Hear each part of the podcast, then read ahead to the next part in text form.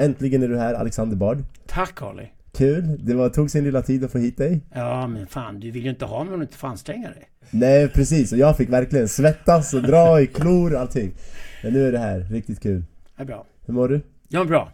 Skönt, hur går Ja. livet? Allt rullar på? Ja, det rullar på bra. Jag, jag ska faktiskt släppa ut en jäkla massa saker i augusti i år. Så Musik det, eller? Ja, första hand böckerna. Så Ah. jag och Jan Söderqvist har skrivit sex böcker, vi är filosofer. Och vår Okej. riktiga storverk, den stora tegelstenen, den sjätte och sista boken, Okej. heter Process och vänt. Vi har jobbat med den i fem år. Den kommer ut i augusti. Aha. På svenska, engelska först till att börja med, sen franska och tyska senare i höst. Och sen eh, ska alla mina tidigare fem böcker Ja, släppas på nytt i samband med det. Okej. Så att man kan hitta alla sex böckerna liksom på Amazon och sånt där man vill köpa. Fan vad kul. Vad handlar boken om, som kommer nu? Ja, den är jäkligt avancerad faktiskt. Men den handlar väldigt mycket om idéhistoria. Det är så att vi skrivit tre böcker som hör ihop. Den fjärde, den femte och den sjätte boken hör ihop. De Mm. är en trilogi. Den första boken sliter alla i nu. För den handlar om AI och sådana saker som är super Just det, det, jag har en fråga om det faktiskt. Ja, den kom för tio år sedan den boken. Den heter Synteism, att skapa Gud internetåldern. Okej. Du hör redan från namnet vad, vad det Ja, handlar om. Liksom. Ja. Den boken är slutsåld överallt nu. Den sliter alla i, för den kom för tio år sedan. Och den handlar om framtiden. Mm. Skrev om framtiden först. Sen skrev jag om det kaotiska tillståndet nu, med en bok som heter Digital libido. Sex, makt och våld i nätverkssamhället. Hur rörigt och stökigt det kommer bli i världen de närmaste 50-100 åren. Och den boken var den andra boken i serien, den kommer 2018. Och sist av alla, den sista tredje boken handlar om att skriva om hela historien. Skriva om hela historien. Ja, men utifrån att vi redan är i framtiden. Men vem är det som skriver om historien? Är det robotarna? Vi gör det. Människorna? När vi skriver om historien, jag och Jan Söderqvist skriver om historien. Okej. Framförallt idéernas historia. Och vad vi gör då i den här boken är att vi går igenom egentligen hur idéer uppstår historiskt. Eh, framförallt hur större idéer uppstår än stam. För stam är det människor alltid letar sig fram till biologiskt. Liksom. Så stam, Ja. klan, familj, skitbra grejer. Funkar på alla människor, finns i alla populationer i hela världen. Men vi har ända sedan bronsåldern drömt om att skapa större samhällen som heter städer, nationer och till och med imperier. Och de här konstruktionerna har vi byggt upp genom olika idéer och det har gått olika bra. Och vi sitter helt enkelt i den boken och jämför de olika varianterna av stater och nationer och, och eh, imperier och sådana saker. Och sen kommer vi fram till vissa slutsatser. Och den stora slutsatsen i boken är att när man försöker centralisera system så går det åt helvete ganska snart. Det kallas tyranni. Vi moraliserar alltså inte mot tyranner, vi säger bara att det är en dålig idé att bygga tyrannier. Däremot är det väldigt, väldigt bra att bygga decentraliserade system. Och decentraliserade system över sikt som inte har något centrum håller mycket bättre. De kan hålla tusentals år. Du hör att vi går framåt bitcoin och sådana saker så småningom. Att det är riktigt bra idéer som kommer nu historiskt som man måste slåss för. Ja. Och eh, vi menar att det är längs handelsvägarna som alla bra idéer uppstått. Och vi menar att de bästa religionerna och de bästa ideologierna har uppstått längs handelsvägarna. Har varit toleranta och har varit väldigt inlyssnande och flexibla helt enkelt. Medan de stora centraliserade religionerna och ideologierna kommer att gå åt skogen nu. Vi behöver inte dem längre i historien för att de blir djupt problematiska på grund av att de är ofta byggs för att man ska hålla en stor struktur samman. Och strukturer är, är inte fra, är fragila idag, de rasar samman väldigt fort när teknologin slår igenom. Så vi behöver tänka till nu. Handelsvägar och decentralisering helt enkelt nyckelord- nyckelorden nu framåt.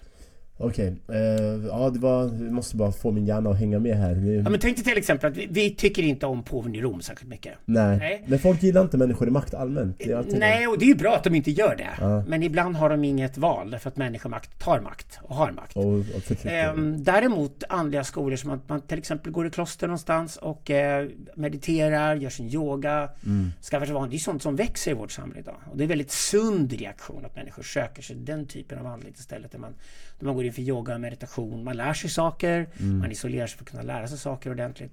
Och det är det som, där ligger framtiden. Jag förstår. Intressant att du säger det, för samtidigt så läser vi om att Islam växer i Sverige och väst. Det är typ den snabbast växande religionen just nu. Ja, men jag tror att islam kommer gå igenom en enorm sekularisering, precis som kristendomen gjorde. Och det Mm. kommer till och med gå fortare. Och det, orsaken är det att jag bryr mig inte om islam i Sverige, utan jag åker till Mellanöstern.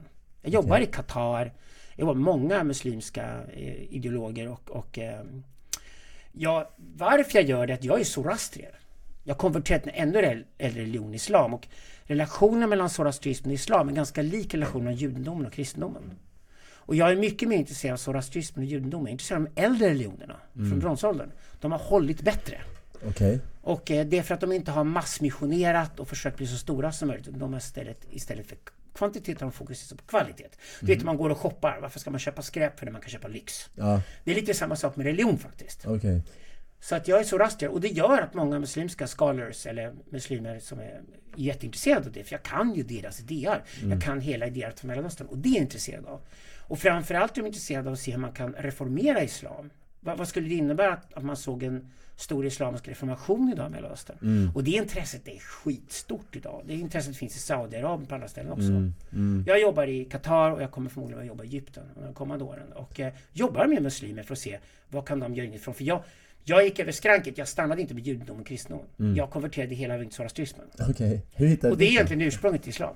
Okej. Det är liksom ursprunget till islam fast ännu äldre. Ja men det känns som att alla religioner har ju tagit inspiration från någonting tidigare. Ja, absolut. Någonstans, det som. Exakt, Så exakt. att eh, det är inget konstigt tänker jag. Nej, och då är det så att zoroastrismen är intressant därför att den är från Persien från början. Mm. De flesta av mina svartska vänner i Sverige är iranier och kurder, bor här. Men dyrkar inte de eld och grejer? Jo, det, nej, nej, men elden är symbolen. Eld är symbolen? Så det brukar, men zoroastrismen är närmare släkt från början buddhismen och taoismen. Okej. Så om du tänker buddhismen är de indiska andliga skolorna. Mm. Taoismen och kinesiska andliga skolorna. Vad tror du binder ihop de två? De persiska andliga skolorna och det är zoroastrismen. Mm. Så jag brukar säga att studera gärna buddhism och taoism framförallt innan du studerar zoroastrismen. De är nära varandra. Jag brukar säga att buddhister sitter och mediterar framför en sten. Mm. Zoroaster sitter och mediterar framför en eld. Okej. Zoroaster mediterar framför någonting som lever. Mm, jag fattar. Buddhister sitter och mediterar framför någonting som är dött. Just det. Dra Ja. ja. Ja, slutsatser. en staty och sån här, jag fattar. Men jag tänkte fråga dig, för du nämnde ju AI och sådär, att du skrev en bok om det för tio år sedan.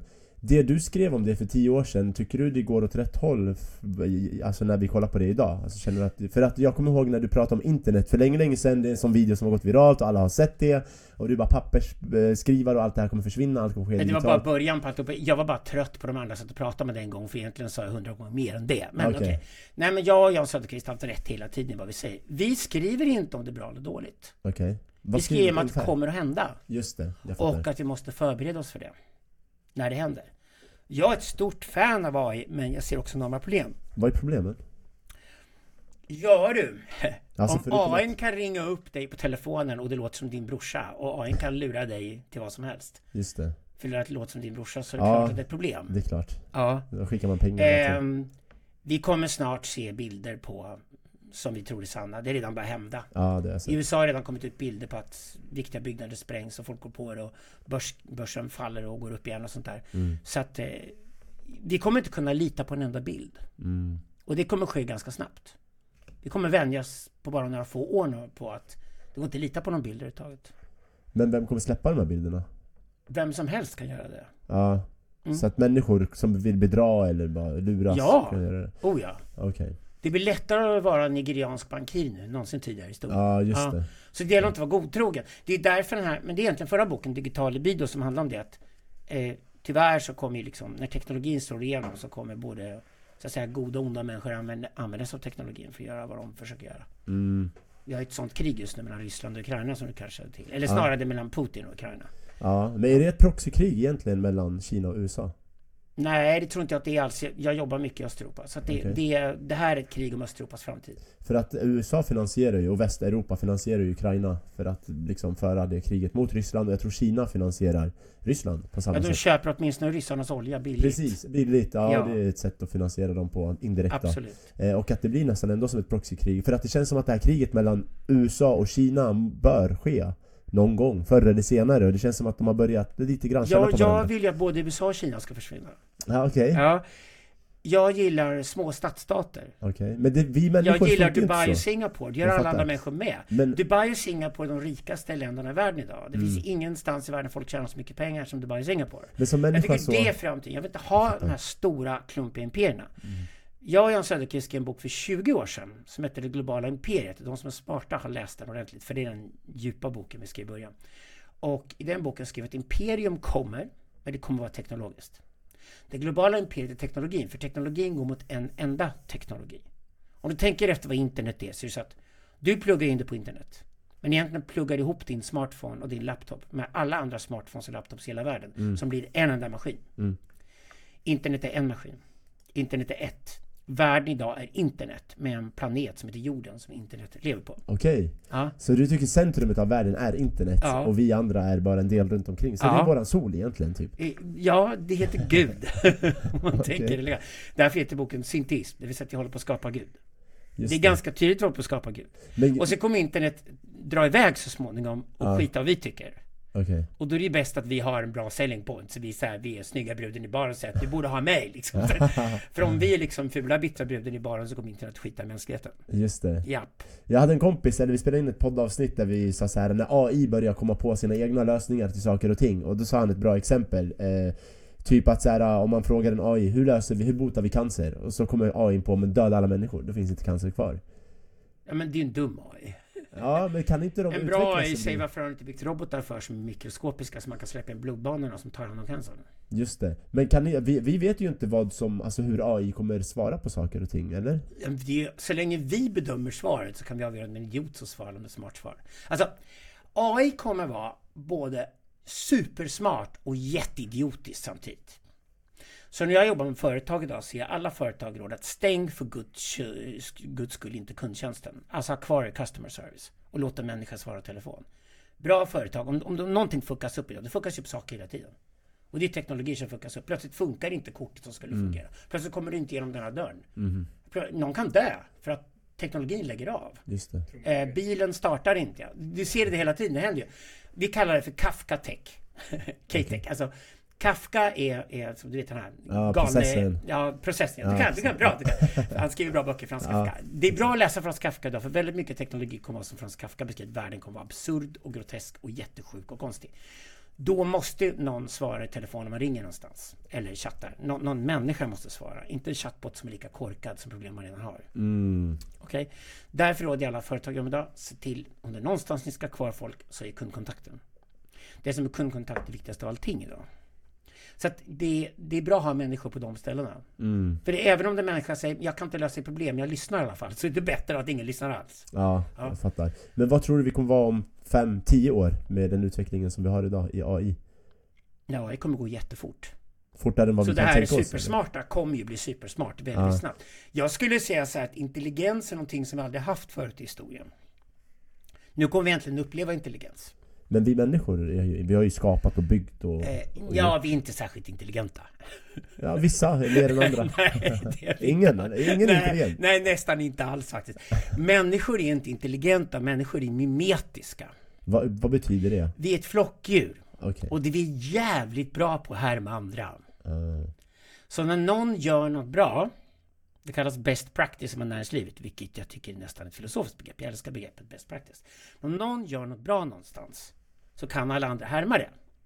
Jag kan ta ett bra exempel. Cannabislegalisering. mm, Jag tycker det är en total no-brainer. Vi borde legaliserat cannabis för länge sedan. håller med.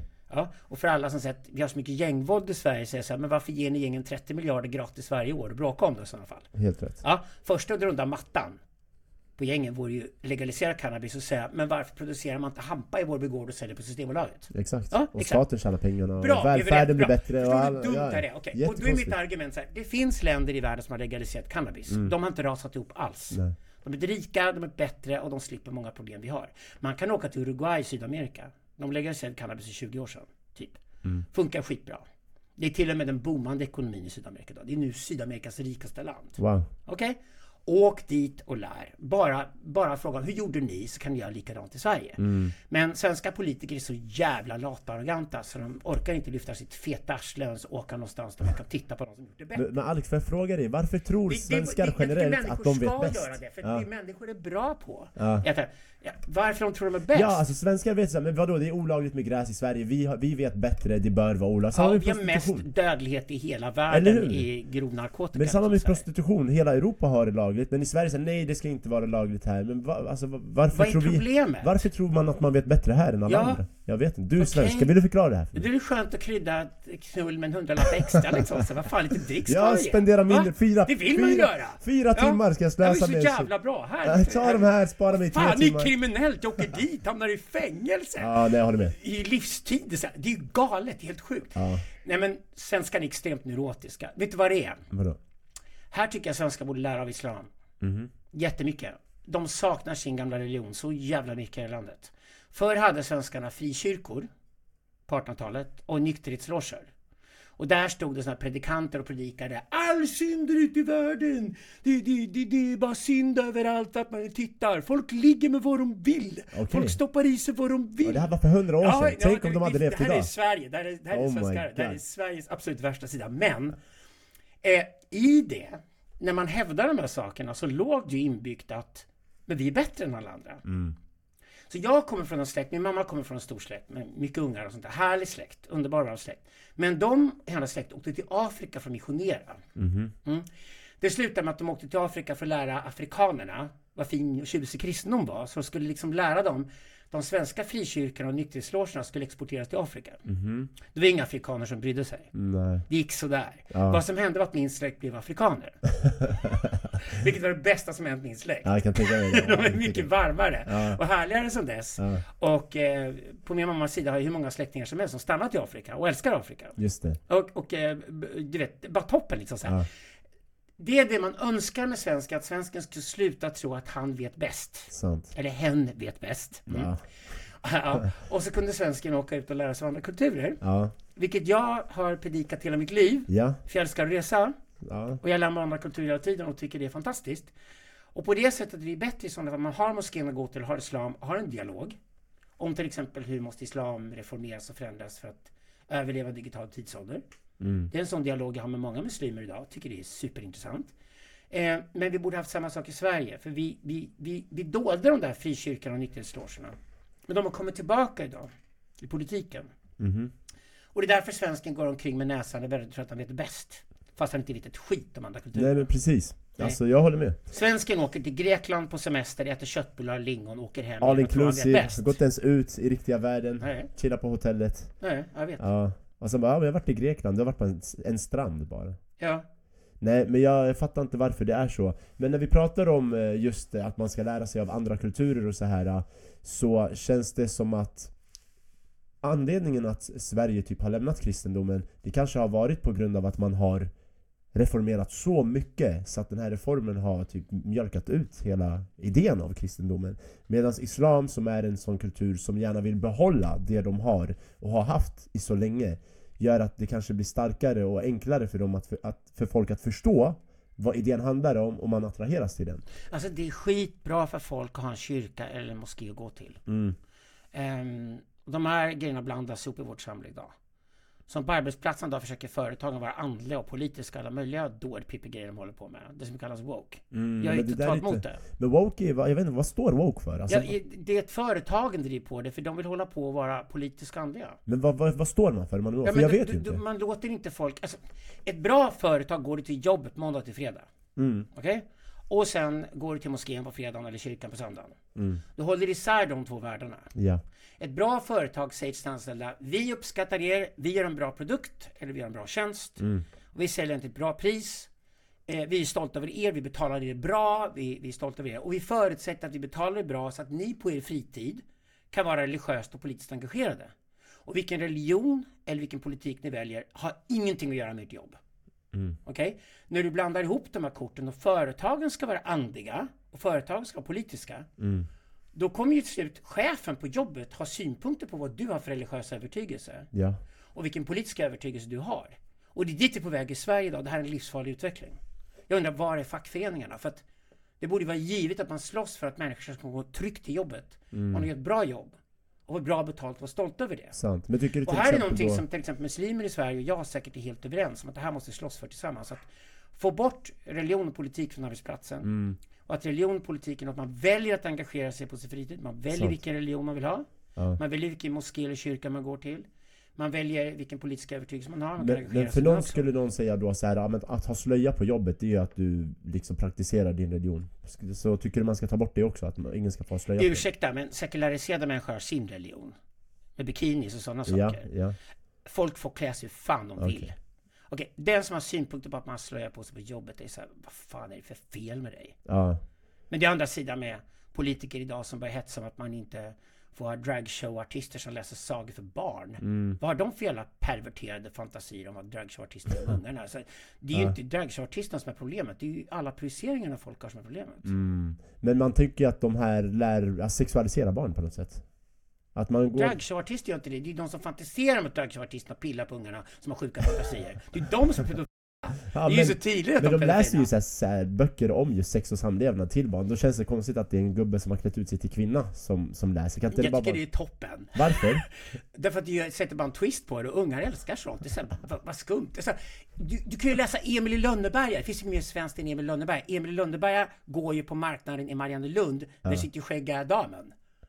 Vad är det som är konstigt? Just Dragshow fanns ju i Emil i Lönneberga. Mm. Det är ingen som är upprörd över det. Så varför är de upprörda att dragshow-stjärnor sitter och läser sagor för barn? Jag, jag förstår inte problemet. Okej men eh, hur är det det här? Nu har inte jag koll på exakt. Jag Eller måste att det vara en jätte, jättekvinna eller en jätte, jätteman för Ja. att få läsa sagor för barn? helst eller? kvinna till och med. Man vill ju inte ha att en man står och läser liksom. Får bögar och lesbianer läsa sagor för barn överhuvudtaget i Sverige? Bögar och lesbianer, ja det tror jag. Jaha, men vad går gränsen? Du ser ju, det är bara en Ja. fallande skala. Ja men gränsen går när det blir så här att det, det börjar bli konstigt. Jag vet inte, vad fan är Det konstigt? konstigt, sa det! Är inte det där fördomar sitter? Jo, det är exakt. Fördomar är ju alltid att någon säger såhär, det blir lite konstigt. det är Det exakt är där det dags att jobba på dina fördomar. Jag har helt ärligt varit emot just det här. Jag tyckte det är lite äckligt så här. Varför ska en gubbe som klär sig till en kvinna läsa sagor för barn? Varför ska en kvinna som klär sig till gubbe läsa sagor för barn? Ja det är Det var okej däremot. Ja. Ja, du ser. Ja, det är det. Fördomar. Ja det är Jag sant. avslöjar på en gång. Men vet du, alltså jag tycker det du säger kanske är ändå, du har en poäng i det. Så jag kanske borde tänka efter och inte vara så äcklad över de här drag queens som läger sa- läser sagor för barn. Nej, jag skulle vara äcklad över ett samhälle där vi inte har dragshow-stjärnor kvar. Å andra Mm. sidan. Om dragshow-stjärnorna inte får läsa sagor för barn så kanske de blir lite mer spännande igen. Hur menar du då? Då kanske de har, kan ha sina shower för vuxna människor och ta bättre betalt. Mm. För att de blir roliga igen. Det finns en sån här rolig one-line i USA just nu. Make queer culture dangerous again. Ah, just det. Och det är de som säger att kanske bra att vi inte läser sagor för barn så barn har någonting spännande att se fram emot med vuxna istället. ja, någonting bra Alltså förbjuder du någonting för barn Ja, då blir det så ju... tycker barn att det är jättespännande. Ja, ja, ja. 100 procent. Det var så ungefär jag gick på Liseberg första gången jag var sju år gammal och, och alla barnen åkte karusell och tyckte det var astöntigt. Så jag och min kusin smög bort till berg och dalbanan. Och det var åttaårsgräns. Och vi ljög och tog oss Mm. in. Och så åkte vi berg och dalbana. Det är självklart det är mycket roligare för det var förbjudet. Just det, ja, Ja. såklart. Det är, Förbud funkar. Att röka cigarett som barn var ju det mest spännande man kunde göra. Ja. Eller hur? Tyvärr. Det Ja. hoppas jag inga barn gör, om någon har barn där ute. Hoppas inte era barn gör det. Men, eh, men Alexander, det pratas ju mycket i politiken nu som jag har uppmärksammat. Jag kollar mycket på SDs grejer, jag vet inte varför. Men jag tycker de är, de är raka, ärliga, tydliga, man vet deras ståndpunkt och det, är så här, det väcker mina tankar lite. Jag, jag nämnde på mail innan att vi skulle prata om folkutbyte. Tycker du att det håller på att pågå en folk, ett folkutbyte i Sverige just nu? Ja, Men vad är problemet då? Att svenskar blir mindre så, jag tycker alltså, inte mer vita, om typ. svenskar än om marockaner eller, eller nepaleser än andra människor. Men de Det- tänker ju att den här kulturen som man har i Sverige, där min mormor levde och du vet, och det var så fint och tryggt och det börjar försvinna nu. Ja men det är också en fantasi. Okej, här är skillnaden mellan mig och Sverigedemokrater. Mm. Jag är integrationskritisk. Jag är extremt invandrarvänlig. Jag säger samtidigt att jag tycker vi kan släppa in 50 miljoner människor i Sverige. Jag har inget problem med det. Men integrationskritisk betyder att det är inte hur många människor som kommer in i Sverige utan vad de har för bakgrund de kommer till Sverige, vilken chans de har att komma in i det svenska samhället. Därför att om man kommer in i det svenska samhället och inte får chansen att komma in det vill säga om man inte blir arbetskraft i Sverige utan blir socialbidrag. Då får vi alla ett problem som kommer ta många generationer att försöka komma runt. Det kommer enormt dyrbart för allt och alla. Därför är det bättre att de första invandrarna som kommer till Sverige, de som tar jobb med en gång och kan jobba hårt och tjäna pengar, betala skatt, bidra till samhället. Skitbra. Hela USAs, Kanadas, Australiens ekonomier bygger på det. Det här är stormrika länder, extremt framgångsrika kulturer. Mm. Vi har hur många exempel som helst genom historien på att ta emot mycket invandrare är en bra idé. Speciellt när det är unga människor som är beredda att kavla upp ärmarna och jobba hårt. Mm. Och det har invandrare som kommit till Sverige alltid varit. Det är liksom aldrig varit problem. Problemet är bara om det sen är en anhöriginvandring som kommer på det och det är inte du som sliter hårt och ska betala för den utan du har ett hårt ansatt svenskt system idag. Det är ekonomisk kris i Sverige nu. Och det här systemet ska betala för de som kommer till Sverige som dessutom sätts i förläggningar, inte får lära sig svenska, inte får ett jobb, inte kommer in på arbetsmarknaden. Då är det klart att Sverigedemokraterna växer. Mm. Men jag skiljer mig från dem. Att jag säger att jag har inget problem att någon går ner för gatan och ser annorlunda ut än vad jag gör. Att någon kommer till Sverige och gör vår kultur större och rikare. Hallå, pizza och kebab. Mm. Ja, det var inga svenskar som kom på de idéerna. Men nu har vi gjort vår egen svenska pizza pizzan. Vi har gjort vår egen svenska kebab och kebaben. Det är precis det som händer när kulturen möts. Jag gillar att kulturen möts. Jag gillar handelsplatser. Mm. Jag gillar att två folk kommer överens om att vi har ett gemensamt ursprung. Vi ska inte slå ihjäl varandra och kriga. Vi ska ha fred. Ja. Jag tycker hela historien handlar om det. Ja. Religion handlar om det. Mm. Religion handlar om att få folk att slå, sluta slå ihjäl varandra för att större grupper av människor ska kunna leva tillsammans i fred. Jag tror bättre idéer uppstår. Exakt, bra. Så, och det här är så tröttsamt med Sverigedemokraterna för att de vill inte se att vi behöver en omfattande invandring i Sverige. De fattar inte att när de blir gamla och bor på ett vårdhem måste någon hjälpa dem torka arslet. Mm. Om vi inte hinner utveckla japanska robotar tillräckligt fort och har råd med dem så måste någon komma från ett annat land, säg Somalia någonstans, och göra det. Och så länge det finns jobb i Sverige och de människor som kommer till Sverige får ett jobb eller har ett jobb. Mm. Eller de som kommer till Sverige har egna pengar med sig kan försörja sig själva. Släpp in dem. Just det. Och då är jag med i ett nytt parti som heter Medborgerlig Samling. Mm. Som försöker, försöker orientera sig fram och säga det här. Att vi är invandrarvänliga, men vi är integrationskritiska. Och det som är bra med Medborgerlig Samling är att många invandrare i Sverige har gått med i det partiet. Vi har snart 50 000 medlemmar. Därför att invandrare känner att det här är de överens med om. Det här tycker de själva. Mm. Det här handlar om deras självständighet, deras integritet och det är det vi pratar om i det här fallet. Just det. Och där måste det landa till slut. Men när du säger att du är integrationskritisk, betyder det att du inte tror på idén av integration? Eller menar du att integrationen i Sverige just har varit eh, bristfällig? Den är ju kajktur fullständigt för om, under 2010-talet så kom de här frikyrkopastorerna fram igen som pratar om. Just det. Och sa att vi ska öppna våra gränser, vi ska vara så goda alltihopa. Och sen var de totalt naiva och hade ingen aning om vilka som kom- över gränserna in i Sverige. Och vad de gjorde var att istället för att åka till flyktingläger i världen och, och ta hit de som mest behövde det, den flyktingkvot Sverige trots allt har, så var det de som lyckades muta sig Medelhavet och betala smugglare. Mm. En stor kriminell sektor göddes av svenska skattepengar för att de skulle komma till Sverige och ta sig hit. Nu var det så att den första vågen som kom hit var ofta unga grabbar. De flesta av dem jobbar idag. Mm. Men den andra vågen som kommer efter är en omfattande anhöriginvandring och den går raka vägen till socialtjänsten. Och blir isolerade, lär sig inte svenska, kommer inte i den svenska kulturen. Och det här håller inte. Mm. Det här kommer göda enorma konflikter mellan grupper i samhället som vi hade kunnat slippa om vi bara varit smartare. Men hur ser du att anhöriginvandringen inte klarar sig lika bra som den första generationen? Därför att betydligt färre människor får jobb. Och eh, om inte de som redan jobbar försörjer hela familjen, vilket de knappast orkar göra, så kommer en hel familj med massor med barn, far och morföräldrar som inte har en chans att lära sig svenska. Mm. De är alldeles för gamla för att lära sig ett nytt språk, förstå, förstå ny kultur. Och de här går raka vägen till socialen och liksom, nu har vi miljontals människor i Sverige som lever på bidrag. Mm. Det håller inte för det, de som jobbar och sliter i landet, inklusive invandrarna själva, tappar förtroende för system. De alla betalar världens högsta skatter och så stor del av skatterna går till att betala någonting som bara är dysfunktionellt. Mm. Det funkar inte. Så att eh, jag vill att det här ska fungera och jag fattar att folk reagerar som de gör. Man måste även komma överens med Sverigedemokraterna om hur svensk flyktingpolitik ska funka, integrationspolitik ska funka Mm. och framförallt hur vi ska få hit fler invandrare till Sverige av den sorten som vi behöver. Just det. För nu vet jag att folk är i rörelse. Jag ska säga att det, det är större migration i världen någonsin 2023. Är det det? Är det Ja. större än 2015 och 16? Mer. Är det så? Ännu mer. De som mest är i rörelse idag är indier och nigerianer. Mm. Och alla slåss om indier och nigerianer idag. För de indier och nigerianer som reser iväg idag och migrerar högutbildade. Tyskland tar många av dem, England tar många av dem, USA tar många av dem, Kanada och Australien tar miljoner av dem. Wow. Det är indier och nigerianer som alla vill ha idag, för de jobbar stenhårt, Ja. de skickar sina ungar till skolan. Och, och då undrar jag, varför har vi inte fler indier och nigerianer som högutbildade i Sverige? Därför att de väljer bort Sverige, därför att här är det kaotiskt. Mm. Därför att vi har hållit på med en integrationspolitik som inte har fungerat. Mm. Då vill inte de komma hit heller. Så vi har ett jätteproblem idag med att till exempel techbolagen i Stockholm vill nyanställa, vi behöver fler programmerare och kodare, vi behöver fler avancerade tjänster, vi behöver framförallt fler ingenjörer i Sverige. Mm. Ingenjörerna som kommer från KTH och Chalmers räcker inte till. Det finns ett jättesug efter välutbildade människor i, i svensk ekonomi idag. Men de indier och nigerianer vi skulle behöva i Sverige, de väljer andra länder som är trevligare att flytta till där de är välkomna. Just det. Ja, jag hörde att man höjde minimilönen för invandrare med utbildning typ eller något sånt här nyligen. Ja. För att locka fler. Så att det var för en månad sedan bara tror jag. Men ja, ja. Och du måste, ju- du måste göra lättare för folk- folk att komma hit. Men den stora fienden vi har idag, det hoppas att AI hjälper i byråkratier. Det uppenbara med AI är att vi har enorma stora byråkratier som bromsar allting. Som till exempel om du ska bygga ut en sån sak som vindkraft. ja. Så att du bygger en stor vindkraftpark på Nordsjön. Och så när vindkraften, vad kommer den mest av allt behövas? Jo, tysk industri som ligger i södra Tyskland. Nu gjorde man en undersökning som visade om du drar en elkabel, en elledning så att säga, från Nordsjön, det vill säga vid Hollands kust, ner till södra Tyskland där elen behövs som allra mest. Okej? Behöver man 13 500 byggnadstillstånd. Åh helvete. Mm. Det går ju omöjligt.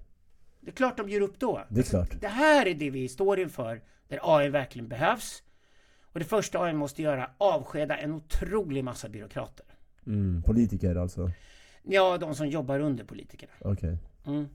Så istället för att ha massa människor som sitter och sköter massa administration och byråkrati så borde ju verken ge dem god hjälp att få sparken och syssla med någonting annat. Det är sant, för man pratar om att AI kommer rensa typ så lastbilschaffisar för bilar kör av sig själva Men jag tycker många politiker och så här kommuntanter och män typ är överflödiga Ja, framförallt tjänstemännen. Ja, många, inte alla Byråkrater. Exakt, de Ja, sitter och fikar Eh, också skit alla som överklagar alla byggnadstillstånd som någonsin kommer till. Så att byggnadstillstånden överklagas och överklagas tills alla till slut ruttnar och ger upp. Precis, Okej? Du kan i stort sett inte bygga någonting i Sverige idag överhuvudtaget. För det är alltid någon som överklagar. alltså emot att du ska få bygga där Ja, precis. Ja, Vi måste ju reformera det här enormt mycket och dessutom så måste vi få en AI som bara kör över allting.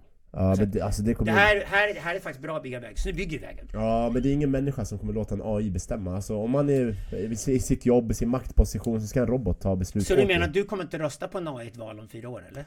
En Om du ställer AI mot en politiker, skulle inte du rösta på AI då? Alltså nej, det Jo, tror du jag kommer inte. snart. Nej det tror Jo, jag du inte. Tänk han står i torget framför mig och så här Ja, krigar och ja och svettas. pratar bara för sitt eget bästa och ska rädda sitt eget arsle och rädda sitt eget jobb och ge jobb till sina kompisar och sånt som politiker gör. Nej, du kommer välja AI. Ja det är sant fan egentligen ja. Medborgerlig Samling till och med, vi säger rakt ut. Vi är ett parti som har kommit för att nedmontera politiken lite snyggt och skötsamt. Så att AI och bättre lösningar kan få ta över. Alltså sjukt, men vem ska vara statsminister? Jag tycker det... Du eller? Nej, jag ska... Nej, nej, jag är inte Jo politiker. sluta, erkänn du vill vara Nej, jag är statsminister filosof. Jag vill Okej. absolut inte vara statsminister. Nej, nej, nej. Hur kom det sig? För Jag är inte politiker. Ja okej, Jag är engagerad politiskt, jag är Ja. engagerad religiöst, ja men jag är filosof. Och vad är en filosofs uppgift i världen? En filosof har ingen uppgift i världen. Därför att påstå att en filosof har en uppgift är i sig ett filosofiskt påstående. Okej, är jag fattar ingenting fri. Jag fattar ingenting Okej, så om du säger så här, vad har en filosof för uppgift i världen? Så har du gjort ett filosofiskt antagande Mhm. som jag måste kunna ifrågasätta. Och det antagandet det är utilitaristiskt. Det är ett antagande som säger att en människa får bara ett jobb om det jobbet gör någon nytta. Mm. Skulle du påstå att en konstnär måste göra nytta? Nej Nej, bra. En filosof är en konstnär. mm. Alltså behöver en filosof inte göra någon nytta alls. Mm. En filosof har rätt att krångla till världen och göra den mera svår och komplex. Om Okej. filosofen vill. Just det Mm. Och sen är det upp till betraktaren att avgöra då eller? Så som konstnärer liksom. Det lär ju betraktarna göra. Ja, Ja, precis. Om du ser att en konstnär gör ett konstverk så lär du ha en uppfattning om det konstverket. Självklart. Ja. Och det är det som, okej, ja, jag Mm. förstår. Men som filosof, känner du att du många gånger behöver gå emot strömmen, alltså bara av liksom filosofiska syften, eller är det någon drivkraft inom dig? För jag har ju sett dig, som hela Sverige har gjort, och säkert folk utanför Sverige har gjort, gå emot strömmen i de skarpaste av situationerna. Nej, men så här är att det är tur att folk inte fattar vad jag håller på med. De kanske fattar vad jag håller på med hundra år efter jag är död. okej, Okej. vill du är berätta eller? Eller ska du hålla det hemligt fortsatt? Eh, De försöker berätta mina böcker. Så Ah. det är väldigt, väldigt komplicerat. Och det är kanske bäst att det är så. Okej, Så får de som verkar intresserade sätta sig ner och studera och läsa böckerna och följa mina kurser och sånt där. Och sen kan de lära sig vad jag sysslar med. men Jag är ganska nöjd med det här, kan man säga. Ja. För att om folk verkligen fattar vad jag håller på med, då skulle de vara riktigt förbannade. Tror jag. varför? Varför Nej, håller men du nu det är de bara förbannade på att jag är komplicerad. Som till exempel. Eh, tre killar stoppade mig på stan om dagen, svarta killar. Ja, Och så sa de en gång så här, bara, bara du vet att du är stjärna, så här, men kan inte du bara förklara vad som hände under Black Lives Matter? just det. Ja. Och då sa jag så här, nej men jag var förbannad på en organisation som heter Black Lives Matter. För jag visste vilka korrupta jävlar det var som skötte den organisationen. Och mycket riktigt nu tre år senare så har allting visat sig att Black Lives Matter var genomkorrupta. Det är totalt gått åt helvete för organisationen i USA. De snodde ju bara pengarna och stoppade i egen ficka. Ja, hon ledaren köpte värsta lyxhuset, Exakt. ett helt vitt område. Jag kollade vem hon var. Jag visste vem hon var innan det här smällde. Det jag sa var att svarta människor förtjänar något bättre än den här organisationen. Därför sa jag att svarta människor förtjänar mycket, mycket bättre att bli betraktade som att de behöver den här organisationen. Den här organisationen är helt sjuk. Jag var emot organisationen Black Lives Matter. Mm. Det är inte så att jag inte sa att svarta liv inte betyder någonting. Det, det, min brorsa är svart för fan. Jag är uppvuxen i en blandrasfamilj. Kom igen liksom. Det, jag är född i Afrika. Liksom, det, är här, det är helt sjukt. Är du född i Afrika? Ja, ja, ja. Shit, sjukt. Ja. Vart? Vart i Afrika? I Sydafrika. Wow, okej. Men skitsamma. Det är ingen, det är ingen big deal liksom. Jag är uppvuxen i Sverige, så det är ingen big deal. Men, men jag kommer från familj där hudfärg, att ens diskutera hudfärg är så bisarrt. Mm. Det är liksom naturligt att diskutera hårfärg, ögonfärg och diskutera hudfärg i min bakgrund.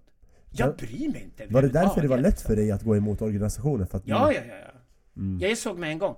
Och då tänkte jag så här, ska jag ta den där striden? Men sen blev jag bara missförstådd i alla fall. Och så visste jag att det fanns så många människor som ville missförstå mig. Mm. Och då gav vi upp, för jag vet att men sista ordet kommer ändå vara mitt. Jag kommer sitta som jag är nu med dig Ja, och får ändå förklara mig sen senare. just det. Och de här killarna, de ville bara ha en check med mig så här, typ att, "Nej, men vad fan, vad var det som hände? Och så förklarade jag det. Ja, vi kände på oss att det var så liksom. Så, här. Skönt, Så de skönt, inte skön stil snubben, så här. Ja. Kör din grej så här. Det- Då, då vet vi det nästa gång det smäller runt dig att vi kanske ska ta reda på exakt vad du menar. Men har du upplevt något hotfullt efter det där då? För det var ju många som var aggressiva alltså, emot dig och uttryckte alltså, ja, nästan aggressivitet. Jo, men det, det fanns ju. Ja. Men det, det är de som inte tog reda på saker själva. Det var ju de fördomsfullaste som var problemet. Alltså, de som fördomsfullt dömde mig utan att kolla vad jag faktiskt sa. Ja. För det är det fördomar är. Fördomar är fördom. Jag dömer dig innan jag lyssnat på dig.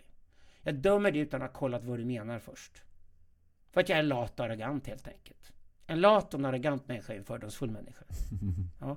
Så problemet här var att fördomarna riktas mot mig. Nu är inte jag något offer. Jag bara sa att problemet var riktat mot mig. Men nu får jag ju sitta här flera år senare. Vi har ändå yttrandefrihet i Sverige. Jag kan förklara mig. mm. Så att, nu fattar ju liksom invandrarkillarna och tjejerna i Sverige att ja, men jag är på deras sida hela tiden. Mm. Det, något annat har aldrig handlat, aldrig handlat om någonting annat. Nej, var det jobbigt att gå igenom hela den processen? TV4 Jo men nu var det inte första gången. Det var inte det? Det var inte första gången som jag var missförstådd. Avsiktligt Men var det här den största kanske, av de alla gångerna? För det- alltså det var i, i, i stundens hetta, det var stort BLM, folk brände och höll på Det och... kom ju direkt efter att bråkat metoo också. Okej. Och det berodde ju på att killarna som blev uthängda metoo i Sverige, varenda en var ju oskyldig. Det här, I USA var de ju skyldiga. Men kan man säga ingen rök Men i Sverige var det liksom oskyldiga killar. Fredrik Virtanen var inte skyldig till någonting som påstods om honom. Det här var ju helt sjukt. Det liksom, och alla bara sprang åt ett enda håll i Sverige, som svenskarna gör. Ja. Meet hade ingenting med invandrare att göra. Nej. göra med den svenska medelklassen. Sant. Exakt, bra. Den svenska medelklassen springer liksom åt ett enda håll. Eh, De saknar sina frikyrkor och nykterhetsloger. De är absolut smartast i hela världen, tror de. De vet mest i hela världen. Fast de inte tagit reda på någonting. Och så springer de åt ett enda håll som jävla galningar. Sverige är ett sårbart land. Det märktes under metoo. Det var läskigt. Och nu i efterhand har liksom alla fattat att de där fyra, fem månaderna var som skogstokigast i Sverige. Visar hur sårbart Sverige har blivit. Mot vadå? Mot att folk springer åt ett håll på det sättet i ett enda stort lämmeltåg som heter en lynchmobb helt enkelt. Mm. All rättvisa försvann. Ingen kollade om det här är sant. Jag slåss ju till exempel också idag för att vi både ska nita våldtäktsmän som riktar våldtäktsmän hårdare samt som vi ska fatta att många killar döms till våldtäkt idag fast de inte gjort någon våldtäkt. Ja. Ja. Hellre fria än fälla måste tillbaka i domstolarna. Det är en annan sån där fråga som man är tvungen att ta och slåss Just det, idag, bara du är misstänkt så är det så här, du kan inte jobba här, du vet, du har varit misstänkt. Du är inte ens dömd. Ja, exakt. Och du får ingen jobb och ingen vill ta i dig och... Du är Johnny Depp liksom så här. Du Ja, är exakt. frikänd överallt men ändå ska alla hålla på och grisa mot dig ändå. Ja. Men Johnny Depp gjorde det jävligt bra dock. Han visade det inför hela världen. Ja men tror du inte det finns en massa brudar där ute som bråkar mot honom fortfarande och ska Säkert. kleta skit på allting där han syns, stoppa honom från att finnas och leva. Säkert. För han, han är liksom dömd i evigheten och ska stenas för att han har gjort jag vet inte vad. Ja, han har är gjort en någonting. borderlandbrud upprörd. Ja, ja. wow, svårt att göra det. Ja, okej. Men det går åt båda håll kan jag säga också. Det är också, jag är med i mansrörelsen och vi snackar mycket om mansrörelsen just nu. Det är jäkligt många killar som springer in i mansrörelsen och har en massa issues de tar med sig in. Anklagar exfruar och brudar för alla möjliga sjuka saker och är det någonting vi inte tänker köpa nu längre att, att vi inte dubbelkollar allting. Som en kille kommer till mansrörelsen och säger Min fru behandlar mig så här och bla bla. Ja, det första vi lärt sig är så okej vi måste få din frus story också faktiskt. Ja. Vi lyssnar på dig. Kom in grabben, sätt dig ner, ta en kopp te, vi lyssnar. Men vi låter inte ditt ord stå oemotsagt på något sätt alls. Nej. Och det tror jag både kvinnor och män måste lära sig göra nu. Att vi måste höra alla historierna involverade innan vi dömer. Mm. Och det finns ett sätt att göra det på, det heter rättsväsendet. Sant. Och så ska det vara i rättsväsendet. Sant. Men generellt, nu har jag en fråga om, om tjejers natur här. När, när en tjej testar en man, för det kommer hon ju omedvetet typ göra. Det gör de hela tiden. Och, jag vet, de kanske. Allting tjejer säger är ett shittest. Mer Det eller är mindre. smart. Och ju mer hon kommer undan med det här testet, då blir testen grövre hela tiden. Ja, Så till sist är det nästan gränslösa test, som att ah, men du rörde mig konstigt, det här är ofred, du våld... Alltså förstår du? Tills du så- sätter en gräns. tills du sätter en gräns. Men när samhället är på kvinnans sida hela jävla tiden, så finns det ju inga gränser kvar nästan. Samhället består ju av män och kvinnor. Ja, men rättssystemet är typ... Nu vet jag inte. Men, Rättssystemet består också av män och kvinnor. ja, men det Var är känns... grabbarna i sådana fall då? Var sätter de sina gränser? Det är det, jag vet inte. Men det känns som att kvinnor idag, de, vå- de vågar så mycket och männen är så rädda och Jag försiktiga. tror att tjejerna testar var de har killen någonstans. Jag kan säga så här. Du ligger klart bättre till om du är invandrarkille i Sverige än om du är en etnisk svensk kille. För de etniska svenska killarna är ju mähäna. Mm, De är ju bara blodlösa liksom så här. Många... Siltryggar som Hanif Bali säger. Jävligt bra ord. Det var det du sa, du fick fett mycket hat på det. Ja, det sa jag också i en tidigare, tidigare avsnitt. Sen Ja, men då finns det säger vi tuffing- siltrygg igen, så får vi fett mycket hat på det. Jättebra. Men sen finns det Jag tuffingar, tar det har gärna ju... fett mycket hat på siltrygg. Ja, Men om en kille är en siltrygg så är han ju en siltrygg. Ja, nej men man behöver ju sätta gränser. Du menar invandrarkillar är bättre på att sätta ner Ja, svenska killar, de vill bara ha reda på hur, hur får man en tjej och hur gör man sig bakom tjejen? Nu suger man hennes tutte. gränser? Men öh, fan. Det är svenska killar, de är Ja, så. ja. Fitthundar som vi kallar dem. Alltså wow. Siltryggar, fitthundar. De är två Ja. vi sätter här i podden. Ja. Det är bra. Ja, Jag står för det. Jag står för det. Det- Alexander jag- Bard står för orden jag står fitthund, för- jag står- siltrygg. Bra. Jag tar på mig det. Jag, på mig Jag står för Alexander Bards eh, Ja, och jag säger hampa och inte cannabis också. Är det så? Ja, det hedliga svenska ordet. Säg vad det är. Men gräs? Gräs är bra, men men det finns många sorters gräs. Ja. Hampa är en tusentals år gammal kulturväxt som tillhör den svenska eh, floran. Växer det här i Sverige? Ja! Är det så? Ja! Jag hörde att man får jättebra... växt. Att man får jättebra tyger av hampa. Man får väldigt mycket bra saker av hampa. Varför? Väldigt mycket roliga saker också. Väldigt mycket sköna saker kan man få av hampa. Väldigt mycket helande grejer kan man ha med hampa också. Okej. Hampa är inte dumt alls. När du säger roliga, då tänker jag på så här THC och alltså get high och have Ja, fun. jag, jag sa inte det, du sa det. Ja, det var det jag Själv knarkar jag bara utomlands, aldrig i Sverige. Okej. Mm. Ja, ja, det är smart.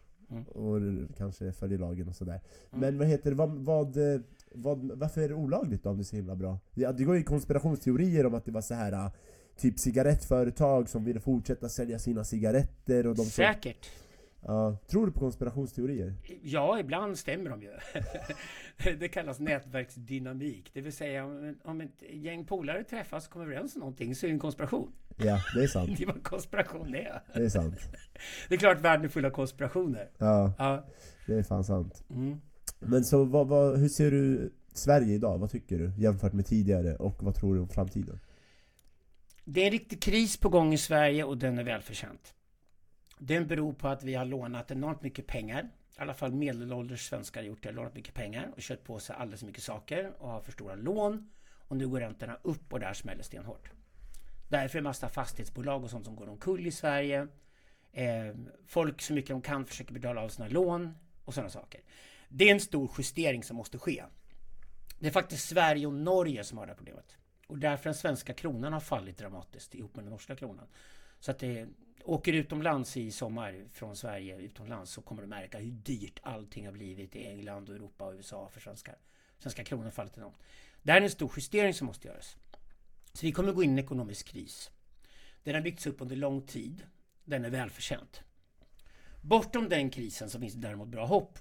Vi utbildar mycket ingenjörer i Sverige. De driver ekonomin. Det är ganska lätt att starta företag i Sverige. Det är fortfarande höga skatter i Sverige, men det är lätt att starta företag, komma igång med grejer. Eh, fler borde starta företag, anställa fler människor och så att vi får igång ekonomin igen på allvar. Och håller igång den. Om vi håller en låg arbetslöshet så kommer vi klara krisen rätt bra. Det kommer smälla hårt för de som har lånat på sig mycket saker. Ehm, Men så måste det vara. Det är en stor justering som pågår. Så det är den stora grejen som händer i Sverige just nu. Sen tycker jag att politikerklassen i Sverige har helt tappat connection med folket överhuvudtaget. De lyssnar inte på någon. Har de någonsin haft connection? Ja, det hade de förr i tiden. Därför förr i tiden så hade varenda riksdagsman tre eller fyra anställda assistenter. Så de hade connection med med sina väljare. Där de kom ifrån i Sverige. Det har de ju inte längre. För nu är det ju totalt centralstyrt de politiska partierna. Alla resurser går till partiledarna. Och partiledarna står och pucklar på varandra i TV före valen varje år, var fjärde år. Och så tror svenskar att de måste rösta på partierna en gång till. Jag vill ha nya partier i Sverige. Jag vill ha en ändrad karta. Jag vill ha något bättre än att sossarna och moderaterna byter maktposition med varandra hela tiden. Vi förtjänar bättre än så Sverige. Så jag vill ha en förändring på den punkten. Och där ligger egentligen den stora krisen. Att det gör ingen skillnad om Socialdemokraterna och Moderaterna styr Sverige idag. Det är samma politik de, de tillämpar idag. Ja, men då skulle vi ha, behöva ett alternativ till dem.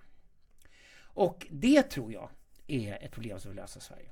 Och sen bortom det här så kommer ju Sverige upptäcka för sent att vår integration blir väldigt dyr och inte lyckades. Tror jag, tyvärr. Att vi behövde fler invandrare än vad vi trodde. Man behövde invandrare som kom hit och kunde ta jobben. Fy fan, du skrämmer upp jättemånga människor i det du säger. Ja, men jag tror att det här är problem på tio års sikt för just Sverige. Jag vet att tyskarna har en helt annan attityd idag. Eh, de släpper in många fler invandrare, välutbildade sådana som får jobb på en gång i tyskt näringsliv medan vi i Sverige. Här står företagen och stampar och vill kunna anställa fler. Eh, vi har en ganska bra integrationsminister nu, Maria Malmö Stenegard, hon moderatkärringen. Hon är faktiskt riktigt bra, måste jag säga. Faktiskt. Hon är bra, jag gillar henne faktiskt. Hon, hon försöker, hon har fattat det. Hon säger faktiskt att vi måste ta emot fler invandrare samtidigt som integrationen måste fungera. Hon säger exakt de här Men alltså rätt typ av invandring? Ja, hon säger i alla fall rätt sak. Sen får vi se om hon får igenom det. Precis. Mm. Och sen eh, är Sverige nu ett multikulturellt samhälle och jag är för det. Jag har ett problem med det. Den som känner sig osäker över sin svenskhet bara för att folk har en annan hudfärg och går ner för gatan, det är ju fan ett pucko som behöver hjälp på psyket. Liksom, så här, va? Ungefär som den som är orolig för att deras barn ska bli twistade i huvudet för att en dragshow gubbe sitter och läser en saga för ungen, nio år gammal. Liksom, så här, den behöver också hjälp på psyket. Liksom, så. Mm. Jag, tycker, jag tycker att den, den sortens rädsla är helt sjuk faktiskt, ärligt talat. Vi får väl respektera den för att många upplever att det är så. Mm, mm. Men jag behöver inte vara med på deras tåg. Vill delta i det alls.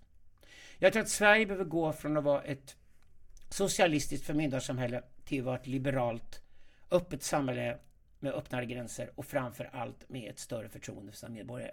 Mm. Och det är både de som kommit hit, ansträngt sig, lärt sig svenska, har ett jobb, tjänar egna pengar och ska få sitt fina tjusiga svenska pass utan pardon, rakt i handen tycker jag. Fler borde bli svenska medborgare. Och känna delaktighet i det svenska samhället. Om alla känner delaktighet i det svenska samhället tillsammans, då kan vi ta oss igenom det här. Men de närmaste tio åren kommer vara väldigt svettiga. Mm.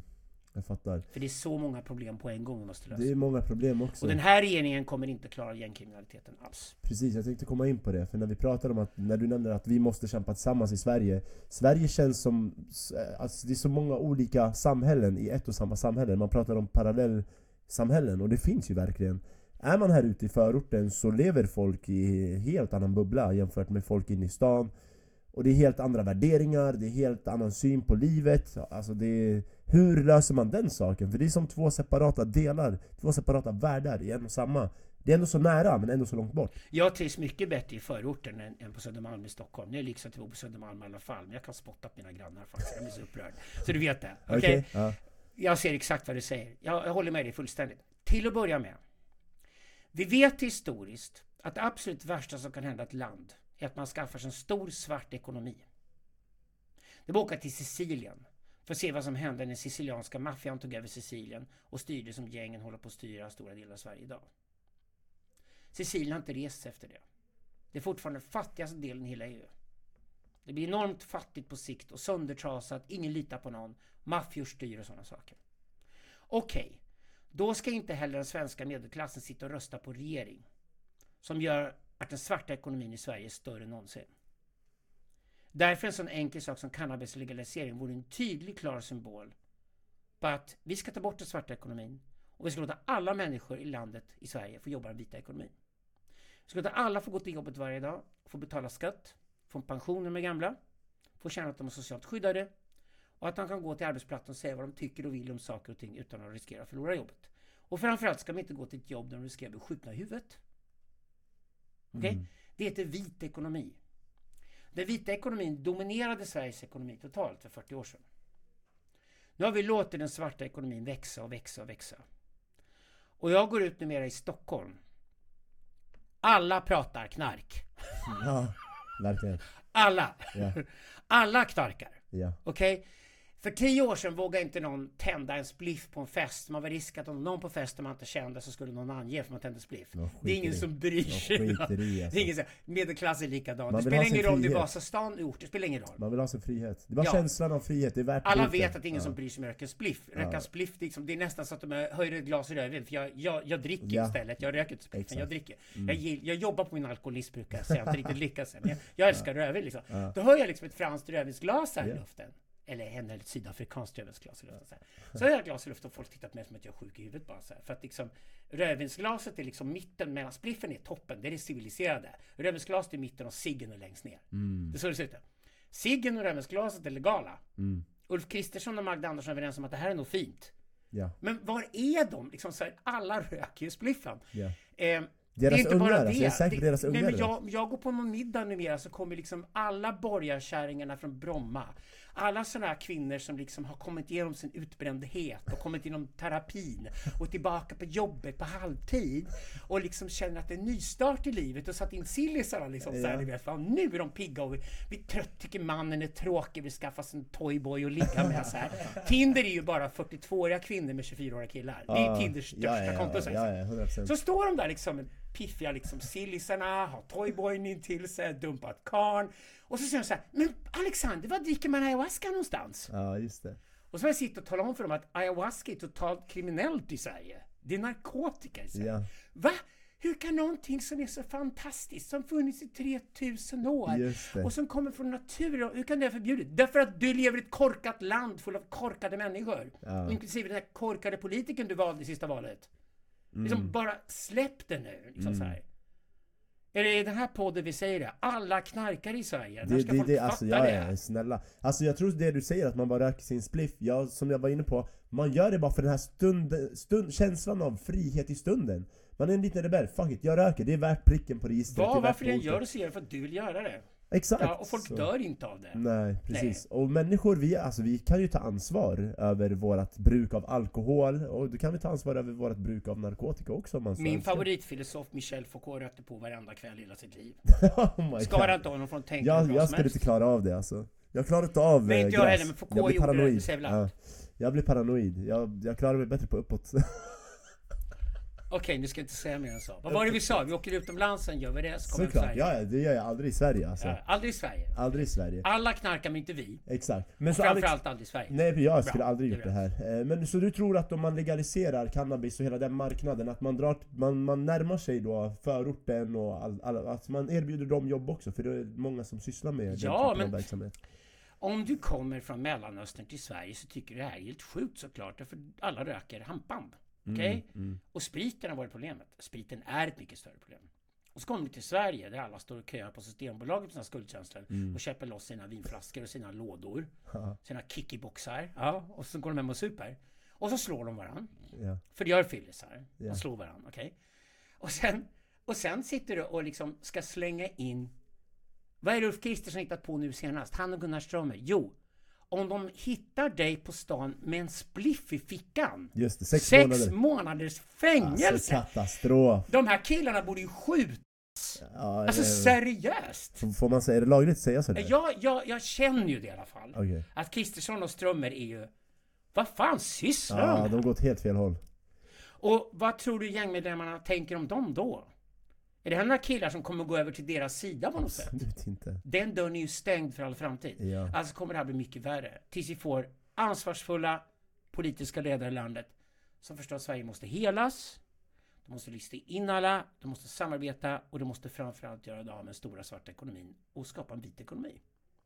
Men det är många politiker som inte vågar säga det för man är rädd att förlora röster. Från vem? Folket, vad, men vadå legalisera Men narkotika? vänta Han nu, dum i huvudet, de mördar ju varandra där ute, så ska han legalisera Men det? Ali, Ali. Ett, alla knarkar. Två, alla röstar. Tre, Ja. alla som knarkar röstar. Ja, ja, ja. Det handlar ju bara om att få de människorna att fatta att ni kan ju inte fan rösta på någonting som är exakt emot det ni håller på att göra själva.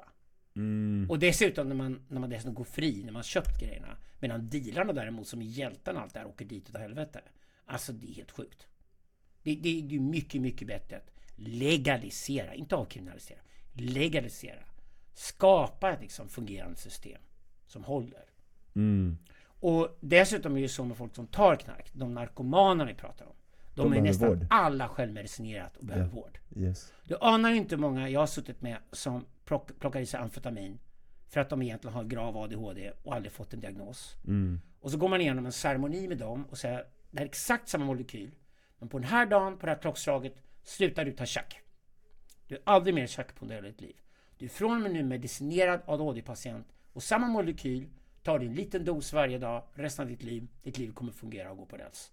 Och se dem gråta av lycka några månader senare när det här har fungerat är en fantastisk upplevelse. Mm. Därför gillar jag att jobba med psykiatrin idag. För nu kan vi göra det idag. Och det är samma sak med många op opiatmissbrukarna som lider av trauma och sådana saker. De behöver vård. Ja, Ja. självklart. Det finns inga narkomaner som är kriminella. Nej, Narkomani kan inte vara kriminellt. de ska inte vara i fängelse. De, de ska vara... Det här är det värsta som hänt i Sveriges historia. Att vi har mördat så många människor i onödan de sista 50 åren. För att vi betraktar narkomani som ett brott. När det i själva verket är ett signal på sjukdom. Jag håller med. De ska inte vara i fängelse.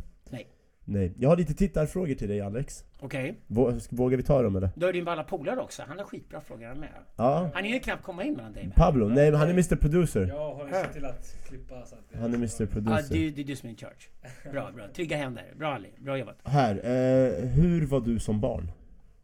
Eh, jag var en pigg liten unge som eh, gillade att leka själv. Hade stora fantasivärldar. Bodde på en stor gård på landet. Många syskon. Men varför familj. gillade du leka själv? För många kommer tycka, vad är det här psykobeteende? Eller så här avvikande? Nej, men de andra ungarna var lite tråkiga. Helt rätt. Okej, men jag hade inga problem med skolan och sånt där överhuvudtaget. Jag, jag var den där killen som både var ordförande i elevrådet och ordnade festerna samtidigt. Jag lyckades Mm. pricka båda grejerna samtidigt faktiskt. Så Jag, Nice. jag klarade mig bra i skolan. Det är bra. Jag var lite frustrerad, jag bodde i en liten stad, jag ville ut i världen. Vilken stad? Motala. Aha. Det var lite litet för mig kan man säga. ja. Så att när jag var 17 år gammal så fick jag en enkel biljett till USA med en farsa som sa bara så här, men åk iväg liksom och upptäck. Wow. Och, så här. och ska du ta det hem kan du betala det själv. Oj! Ja. Fan vad... Jag lärde mig jobba själv farsa, tidigt. alltså. Ja, jag lärde mig Ja. jobba tidigt själv. Men var han inte nojig så här, men ta, hur ska du överleva? Nej, nej, aldrig. Och du var glad? Han var då? faktiskt aldrig nojig min farsa. Han sa, nej du klarar det. Ja. Jag var sex år gammal när min pappa tittat på mig och så sa han så här. Vet du vad? Lagar är till för svaga människor. Du kan göra vad du vill. Fan vad skön han är alltså.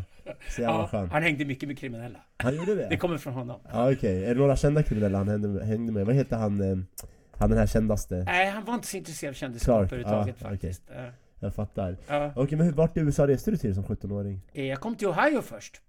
Det var ganska bra. Ohio är nämligen väldigt mycket lite av allting.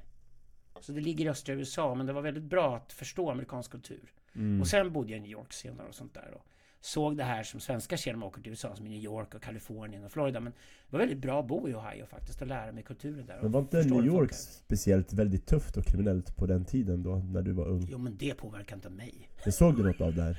Snälla Ali, jag liftade genom Nordafrika när jag var 21 år gammal. Åh herregud. Ja. Ja, Ja. okej. Ja det är ju spännande. utan att kunna arabiska. Ja, hur fan, hur fan klarade du dig? Det gick alldeles jättebra. Ja, visst är de Ja. trevliga? Ja, Visst är de det? fantastiskt. Man har så mycket fördomar om folk i andra Nej, länder när man hör nyheter om och det är sprängningar och det är bla bla bla och så. Ja, men det kan det ju vara ändå, men det har vi haft i Sveriges historia också. Sant, men Ja. folk är ändå Och trevliga. har idag. Det har vi, det har Ja. kommit tillbaka. Är det invandringens fel skulle du säga att sprängningarna är tillbaka? Nej, sprängningarna finns för att det finns en omfattande gängkriminalitet och den orsakar att vi byggt en stor svart ekonomi. Mm. Jag skulle säkert själv tillhöra ett gäng med bodde i förorten. Lätt! Ja, det är lätt För att att hamna min där. bästa möjlighet i livet skulle gå via gänget. Sant. Japp. Det är Så det faktiskt finns en lätt. logik i det som jag har stor respekt för. Fattar, fattar.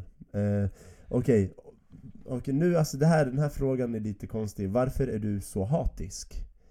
Jag tror folk upplever dig för att du vågar u- gå emot strömmen. kanske. Nej, jag säger bara vad jag tycker. Det är inte att vara hatisk. Det är tvärtom, det är att bry sig på riktigt. Mm. Vänj er vid en sak. Jag är osvensk på det sättet. Jag säger vad jag tycker i alla lägen. Jag lärde mig det med farsan när jag var liten. Han sa att i i det här landet så kommer folk tycka illa om dig för att du säger vad du tycker. Men i långa loppet kommer du vinna alla på att du gör det. Folk kommer komma tillbaka till dig tio år efteråt och säga Fan vad bra att du sa det där den där gången för ingen annan sa någonting. Jag lärde mig tidigt att det bästa jag kunde göra var att säga min bestämda uppfattning. Man behöver inte dela den. Säger, det här är min uppfattning. Det i, ja. Och så säger jag det. Och då säger jag bestämt och beslutsamt. För att det inte ska finnas tveksamhet om det här är min uppfattning. Jag helgarderar mig inte när jag pratar. Jag säger det här är min uppfattning. Ta den för vad det är. Okej? Det var beslutsam. Snarare så här, det var faderlig. Snarare moderlig. Mm. En far talar ju beslutsamt. Därför att en far ger inte den villkorslösa kärleken direkt. Utan en far är ju en person som först tittar på världen ute och som säger Jo, jo, det var ju kul att du gjorde det här, men ärligt talat, den här teckningen var gulligt gjord, men du är inte Picasso. Mm, alltså, mm. Så du får någonstans en kontakt med verkligheten. Sant. Moden är mer villkorslös. Precis, och därför tjejer är så bra på shit-testa, för det de gör mot killar, därför de försöker testa om killar kan bli fäder. Mm. Så att en vuxen man kan bli en far en vacker dag. Och stå som en far framför sina barn och tala beslutsamt. Och säga det här är min uppfattning om hur världen fungerar. Just det. Så man får en orientering i livet någonstans. Jag är inte alls hatisk, jag hatar inte, framförallt hatar jag inte människor. Men jag hatar allt elände människor ställer till för att de är dumma i huvudet och inte fattar bättre. Och därför hoppas jag egentligen att AI och sånt kommer som kan göra oss människor lite intelligentare, för det skulle vara bra. Mm. Nice. Vad tror du händer när vi dör? Vi dör. Punkt. Ja, Okej. jag är zoroastrier. Vi tror inte på livet efter döden. Okej. Nej. Vi tror på poängen med att dö. Att lära sig leva och älska att leva. Wow, det var ändå poetiskt alltså. Mm. Okej. eh, den här, jag vet inte. Vad är syftet med HBTQ enligt dig och vad tycker du om den utvecklingen? Jag tycker HBT är kanon. Därför att HBT-människor har varit förtryckta i stora delar av världen är det fortfarande. I Uganda idag har de klubbat en lag som innebär att om du ligger med en person eget kön så blir du ihjälslagen. Mm, alltså det är fruktansvärt. HBT-kampen har jag, har jag deltagit i och stöttat hela tiden på det sätt jag kan. Jag kallar mig själv bisexuell för att jag gillar tjejer helt enkelt, men jag gillar killar lite grann också. Det räcker. Det är för att jag tycker att HBT-kampen är så viktig och bra. Ja. Och det är för att jag växte upp med att aids kom på 1980-talet. Också HBT-människorna blev jävligt eh, jagade i Sverige och förföljda och sådana saker. Och Sverige visade att toleransen mot HBT-människor, den var ju lövtunn. För då slängde man dem under bussen på en gång när aids kom. Så att jag tror inte alls på att toleransen finns där. Utan HBT-människorna måste slåss för sin kamp. Q har ingenting med den saken att göra. Q-bokstaven som står för queer en kulturell kamp eller ett kulturellt uttryck som de som vill kan hålla på med. Men jag anser inte att det finns något queer-spektrum som alla människor ska delta i. I mina studier med Jan Söderqvist har vi bevisat att 92% av alla män och 92% av alla kvinnor är regular Joes and Jills. Det är straighta killar och straighta tjejer. Ja. Den stora majoriteten. Okej. Då får de vara det. De ska inte hålla på med något annat. De får vara hur mycket de vill. Det är de som ändå måste ha villor med amorteringar och föda barn. Annars kommer det inga barn till världen. Så det är toppen att de finns, att de är många. Okej? 4% av befolkningen är androgyn. HBT kallar vi det. Homo, bi och transsexuella. De landar mellan manligheten och kvinnligheten på olika sätt. Till exempel genom att de tänder på sitt eget kön sexuellt. Eller om att de byta kön, tända könet. Eller att de har alla möjliga varianter däremellan. De lever med olika spektrum. Eller spektra. Det det får de gärna göra. Det får de utveckla hur mycket de vill. De sista 4 procenten av befolkningen kallar vi shamanoida. De förstår ingenting av det här. De kan ligga med vad som helst. Wow. De är allätare. Ja, det är nog jag. okej. jag ligger ner. Shamanoid. Shamanoida androgyna ska inte blandas ihop. Men det här är två minoriteter. Okej? Och de behöver skyddas därför de androgyna är go-betweens mellan män och kvinnor. De shamanoida är go-betweens mellan stammar, mellan folk. Mm. Så de reser jämt och reser mellan folk, mellan länder och förstår inte hudfärg och förstår inte vad alla tjafsar om. Just det. Okej. Och de behöver mer än någonsin idag. För de shamanoida människorna är de som tar en kultur till en annan kultur, till en tredje kultur, Mm. blandar kultur och uppfinner nya kulturer hela tiden. Är det det man kallar nomads? Ja, exakt. Just det. De är nomadiska. Och eh, om du ser kartan så, då det, det heter arketypologi, då är det mycket, mycket lättare att säga HBT-människorna måste få slåss sina rättigheter. Kvinnorna behövde också slåss sina rättigheter i vårt samhälle och sådana saker. Och den kampen är inte stor del avslutad i Sverige, men den behöver föras på andra ställen i världen. Så mitt svar på den frågan är håll Q borta från HBT. De har ingenting med varandra att göra överhuvudtaget. Ingen är Q. Det Nej. finns inga queer-människor. Men det är väl sådana som gillar att klä ut sig till andra könet? Det är väl queers? Nej, nej, det är transvestiter. Det är T. Aha. Det ingår i T. Men transvestit är väl de som opererar sig och börjar ta Nej, det är hormoner? transsexuella. Ah, Ja. Oh my god, okej. Du får HBT-kunskaper också. Men vad fan, ja verkligen, Mm. vad fan är queer då? Det finns inga queer-människor. Queer var ju någon idé om att HBT-människorna och deras liv skulle tvingas på alla andra. Okej, that's it. Fräscht va? Ja okej, nej det är Nej, creepy bra. Skippa Q. Skippa Q. Okej. HBT är bra. Mm. Just det. Vem är din favorit stand-up komiker? Gillar du en stand-up? Ja, är till den gamla skolan som gillar Anders Selin och Aron Flam. Ah, okej, ja. ja Okej, Aron Flam är jag tycker fortfarande Babben är den enda roliga tjejen. Ja, har du sett Petrina Solange? Hon är rolig. Nej, jag, jag är inte riktigt med with Nej, it. okej. Och sen har ju du kommit också. Ja, är på G, så på G. att vi säger så här att jag får, jag får liksom damma av Just det. mina ståuppkunskaper. Vad gillar du för konst? Har du någon konstform som du älskar? Eh, jag gillar framförallt konstnärer som uppfinner nya konstformer. Det är Mm. roliga. Mm, men musik, du är ju musiker. Ja. Jo, men filosofi är ju det jag håller på med. Men eh, när jag började göra filosofi och skriva för 23 år sedan så, så bestämde jag också för att jag ska inte göra som de andra filosoferna gör. Jag göra på mitt sätt. Och det är samma sak när jag började musik. Mm, Jag var en av de första producenterna som bara jobbade med elektronik. just det. Jag vill inte göra som de andra gjorde. Jag vill inte ha musiker i studion. Okej, så du var en av de första som liksom producerade via dator eller? Japp. Wow, okej. Jag kan mycket väl ha varit den första vita killen i världen som gjorde housemusik till och med. Är Det kan mycket vara så. 1985. Men housemusik var det inte liksom... Jag kommer ihåg när jag växte upp så var mycket house i så här Ibiza, franska rivieran. kom- Ja men den kom, House kom från Chicago, Detroit. Svart, svart, svart gaymusik var det från början. Är det så? Mm. Svart De gay svarta, svarta bögar i USA började göra house först. Oh my, jag kommer aldrig mer lyssna på house. jag är en sån homofob. Nej jag skojar bara, aldrig. House är nice faktiskt. Ska vi se... Uh, ehm, ja, folkutbyte har vi redan pratat om. Just det, hur ser du på EUs utveckling? Och vad tror du om nästa EU-val? Typ. Men vad tror du om EUs utveckling? Ja, det här nya partiet jag är med i, Medborgerlig Samling, kommer gå till EU-val nästa år. Ska se om det kanske blir genombrott för ett nytt parti då, i sådana fall. Mm, just vi det, det brottas inte EU-val om nästa 4% år. spärr, utan vi brottas med det. Vi är skeptiska till EU, men vill stanna kvar. Är det så? Ja, Är inte men- EU en jättebra grej också? Just det Nej, gräns... inte nu när EU tar ut skatter av oss direkt och, Ja. inte, och inte är ansvariga gentemot riksdagen i Sverige. Två tredjedelar av alla nya lagar i Sverige kom via EU då. Eh, det betyder att en stor del av makten försvunnit från riksdagen i Sverige som vi svenskar är väldigt insatta i och, och väljer. Just det. Vilka Folk är de här det. som styr EU då? Det är inga vi röstar på. Det finns ju en liten, liten grupp medlemmar i Europaparlamentet som är svenskar. Mm. De vi väljer i EU-valet i Sverige. Men det är en väldigt liten grupp så Sverige är väldigt perifert i EU. Det Mm. domineras av stora länder som Frankrike och Tyskland och Polen och sånt. Mm. Så att vi är en ganska liten aktör i EU. Och då får vi finna oss att vi får följa de beslut som EU tar. Nu är det inte fel, alltså det finns många bra saker vi också. Det är bra med internationella standarder. Just nu är dessutom EU de enda som håller på att förhandla om AIs framtid och tar det på allvar och kan frågan. De enda riktiga förhandlarna i världen idag som de stora big tech-bolagen i USA kan förhandla med finns faktiskt på EU-nivå.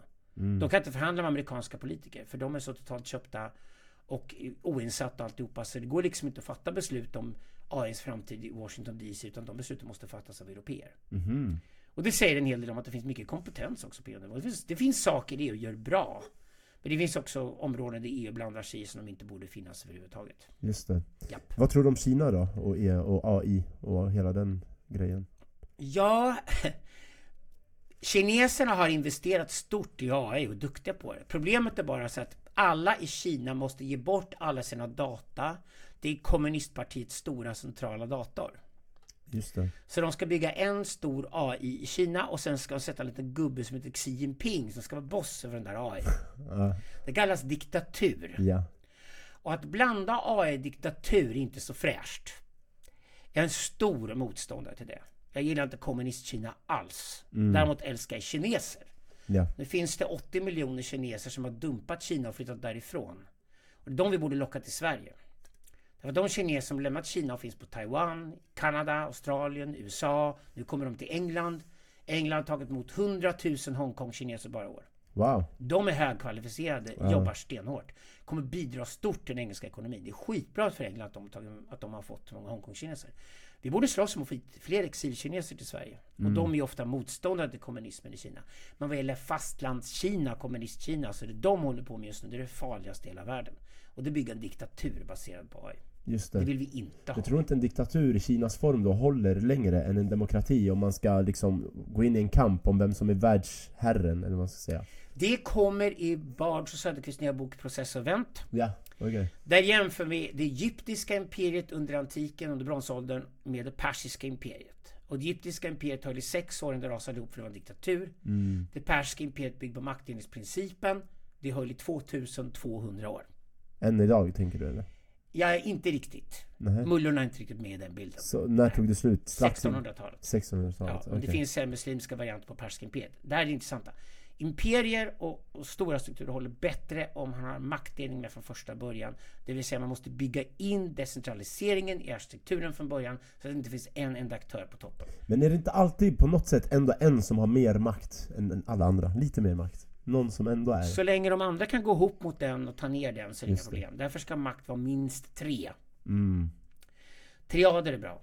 Den amerikanska konstitutionen kommer rädda USA den gången också. Den är skitbra.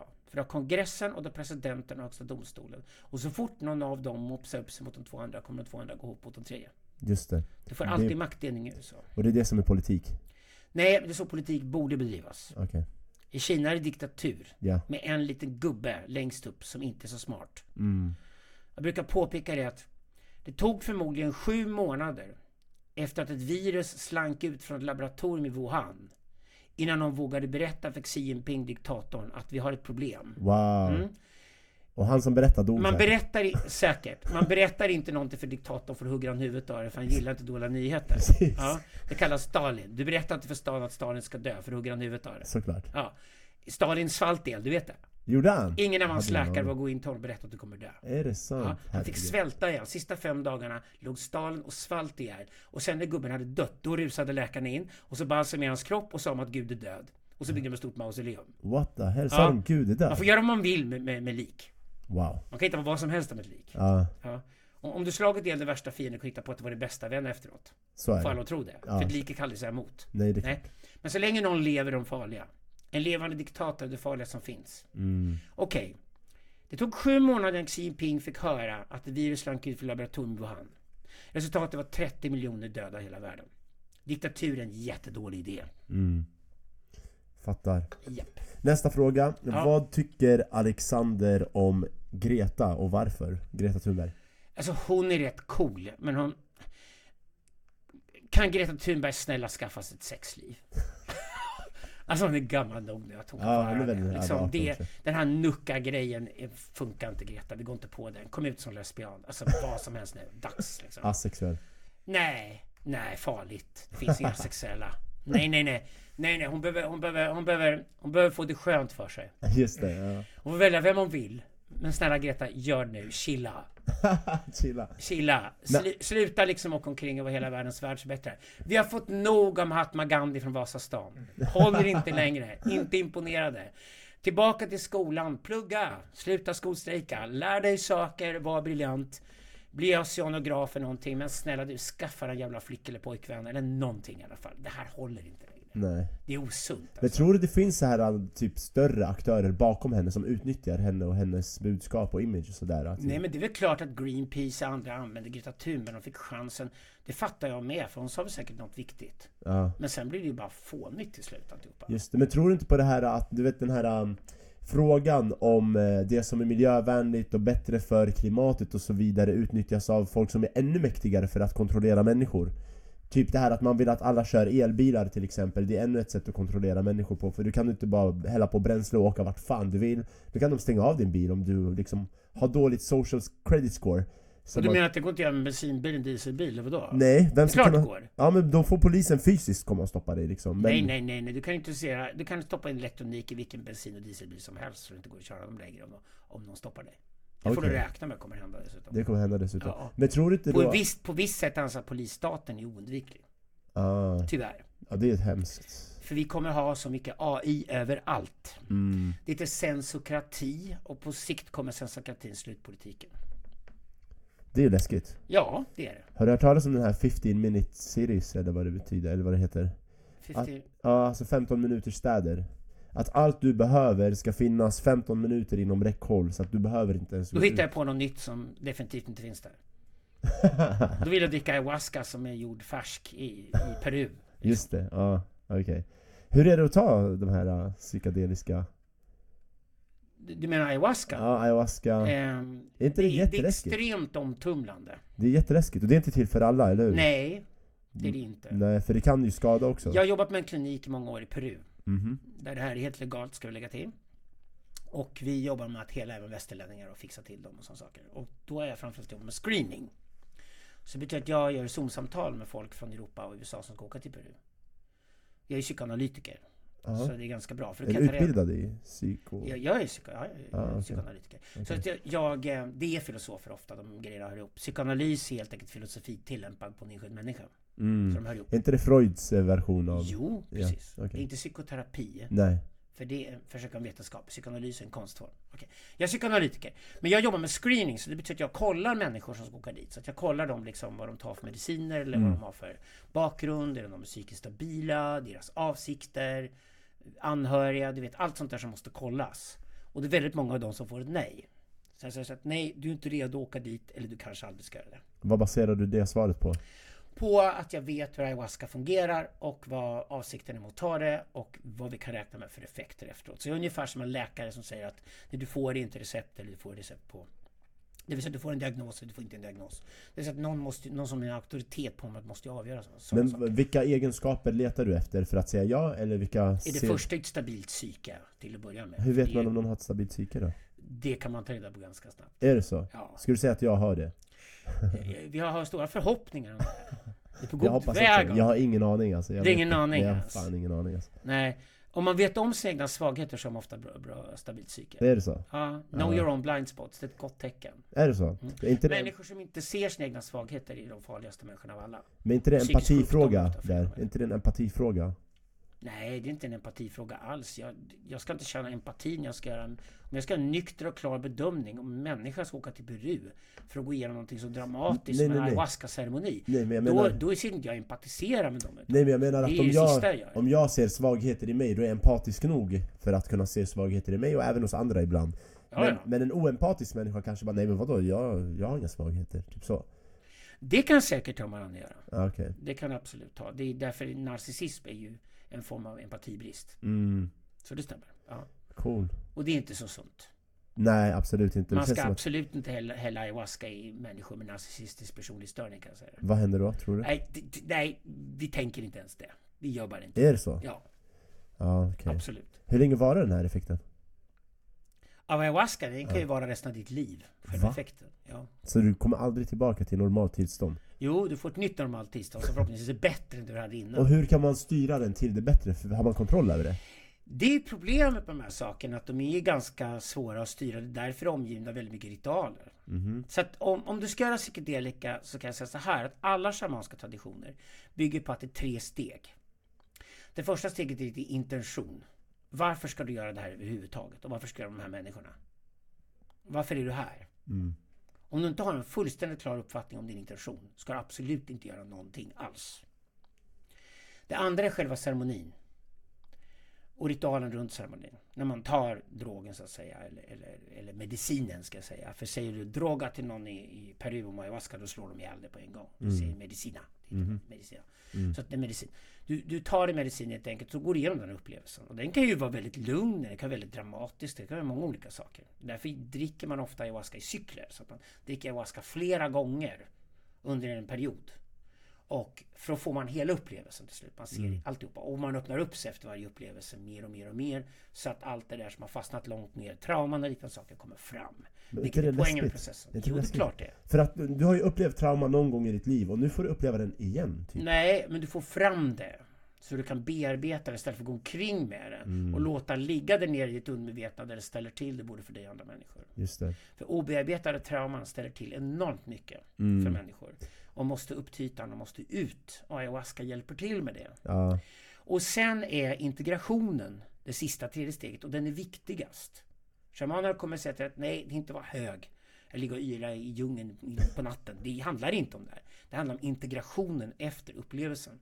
Och integrationen sen avgör om du ska gå vidare till nästa intention. Och eventuellt kanske dricka igen eller liknande saker. Och ska ha ny behandling. Så integration är oerhört viktigt. Och vad man gör med västerlänningar ofta, man sätter dem i grupp så de får prata med varandra också. Förr så var integration någonting man gjorde med shamanen direkt. De pratade samma språk, kom från samma kultur. Men eftersom människor idag kommer till Peru, till djungeln från hela världen.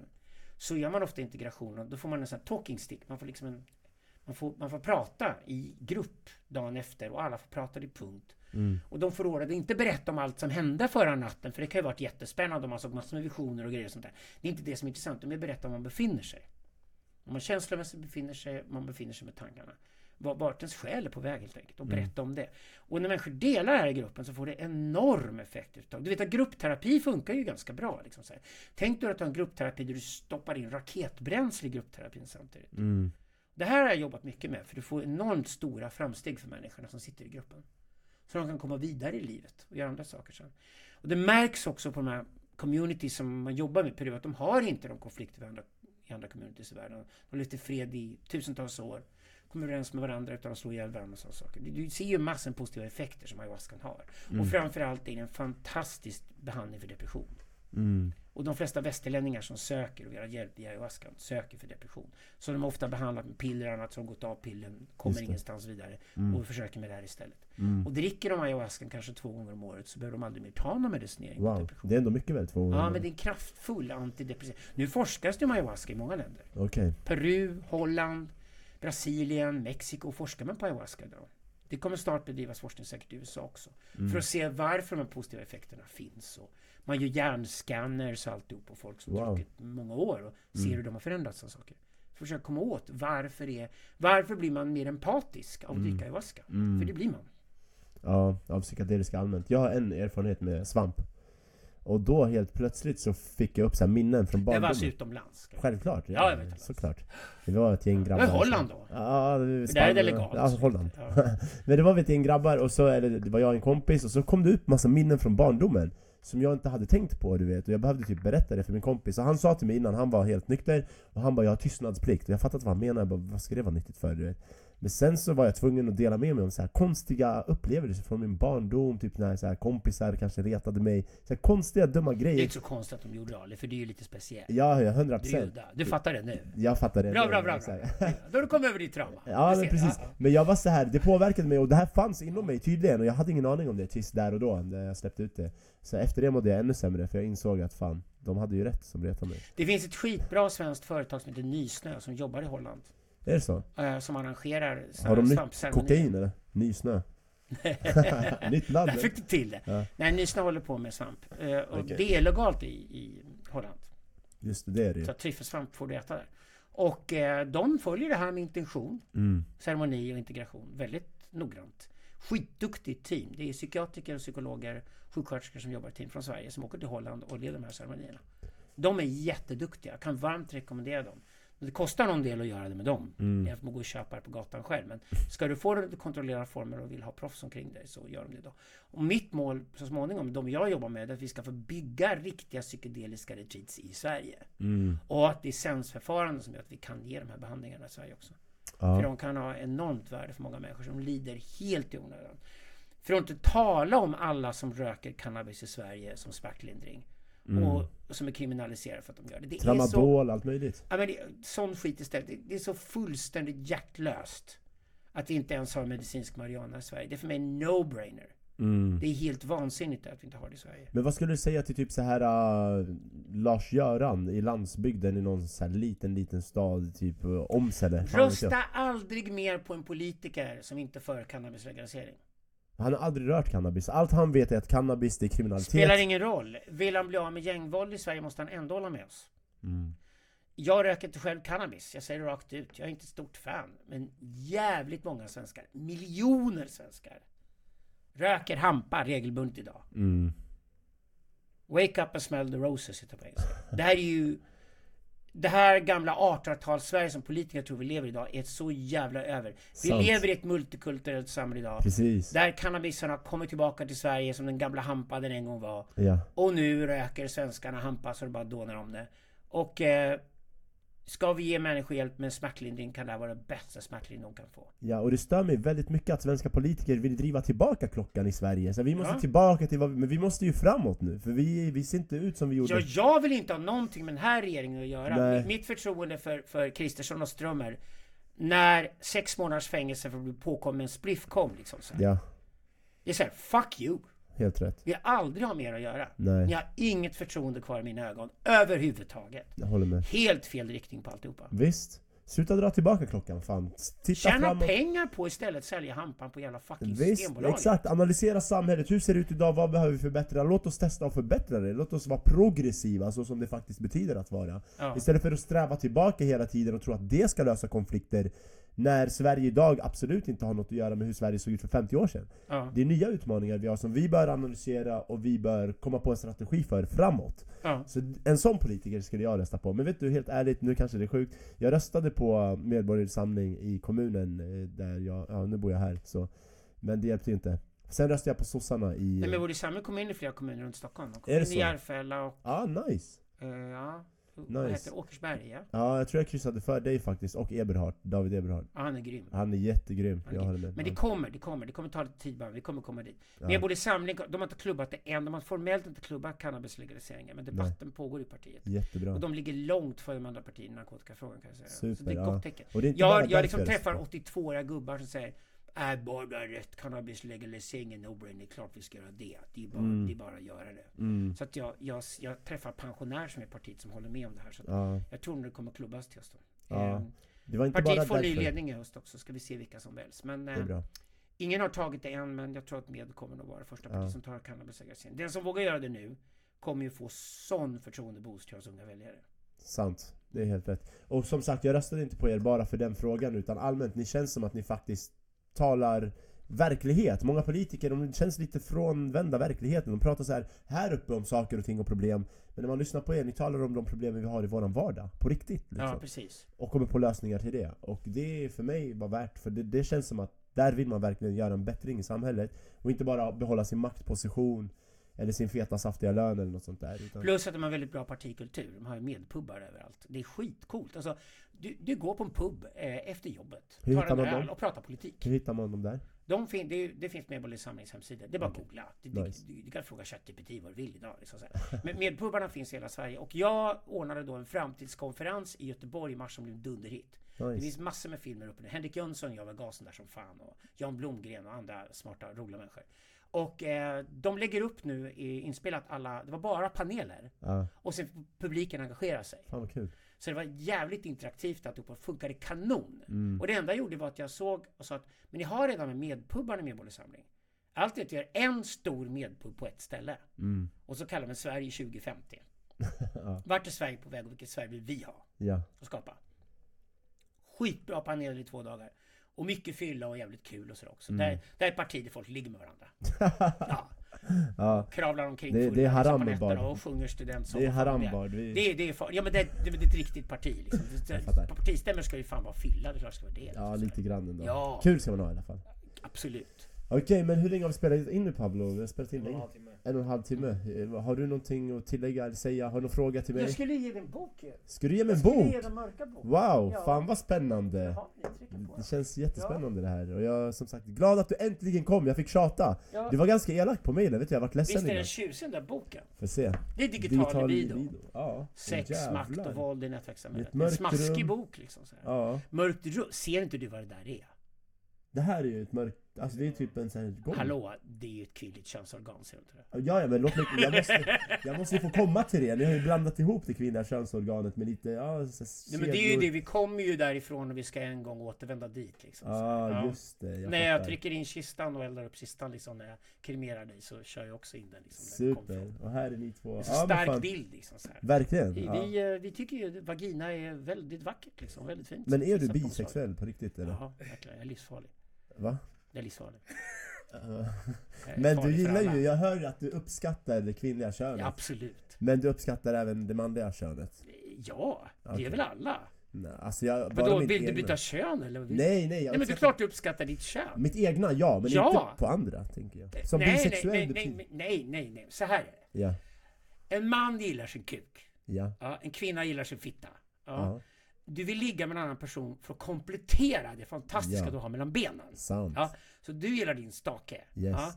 Då vill du hitta en trädgård så du kan trycka in staken i en härlig grotta och majsa till ordentligt. För att det är så jävla skönt Ja. att känna sig kompletterad. Exakt! För är man fantastisk? Men med män då? Ja, nej men de, jag jobbar med transsexuella som byter kön. Ja? Jag leder dem i transition. För Okej. dem finns inte den här idén. Nej. Nej. För de har problem att de inte kan älska sig själva för det de har mellan benen. För att det är fel. Mm. För deras hjärna säger att det ska vara någonting annat där. Då leder dem i transition. Okej. Så får de operera sig Har du stött de på någon som har ångrat sig då, efter det? Nej, så här är det. att Det finns de som gör plus och minus.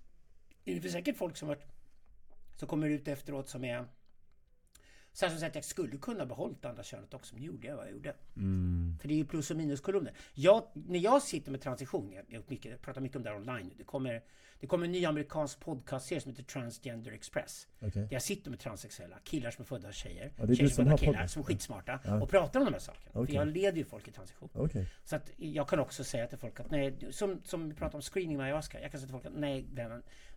Det kommer inte bli bra resultat. Di- Ditt problem ligger någon helt annanstans. Ja. Det är inte här problemet sitter. Mm. Du är inte transsexuell. Det är liksom inte det som är problemet. Men för de som helt klart visar alla tecknen på det här. Man har vissa grejer man går på, vissa grejer man testar. Och så tycker man, "Åh, det här är klockrent fall. Det ska bli bra resultat. Och då säger man bara så här. Jag tycker faktiskt att det är klockrent transitionsfall. Jag tycker du ska ha förtur till alltihopa. Kör operation, kör hormoner, kör alla grejer. Liksom här. Men du bestämmer självklart själv. Och du, Ja. måste, ha ett beslut, du måste ta, våga ta ett beslut och följa det beslutet.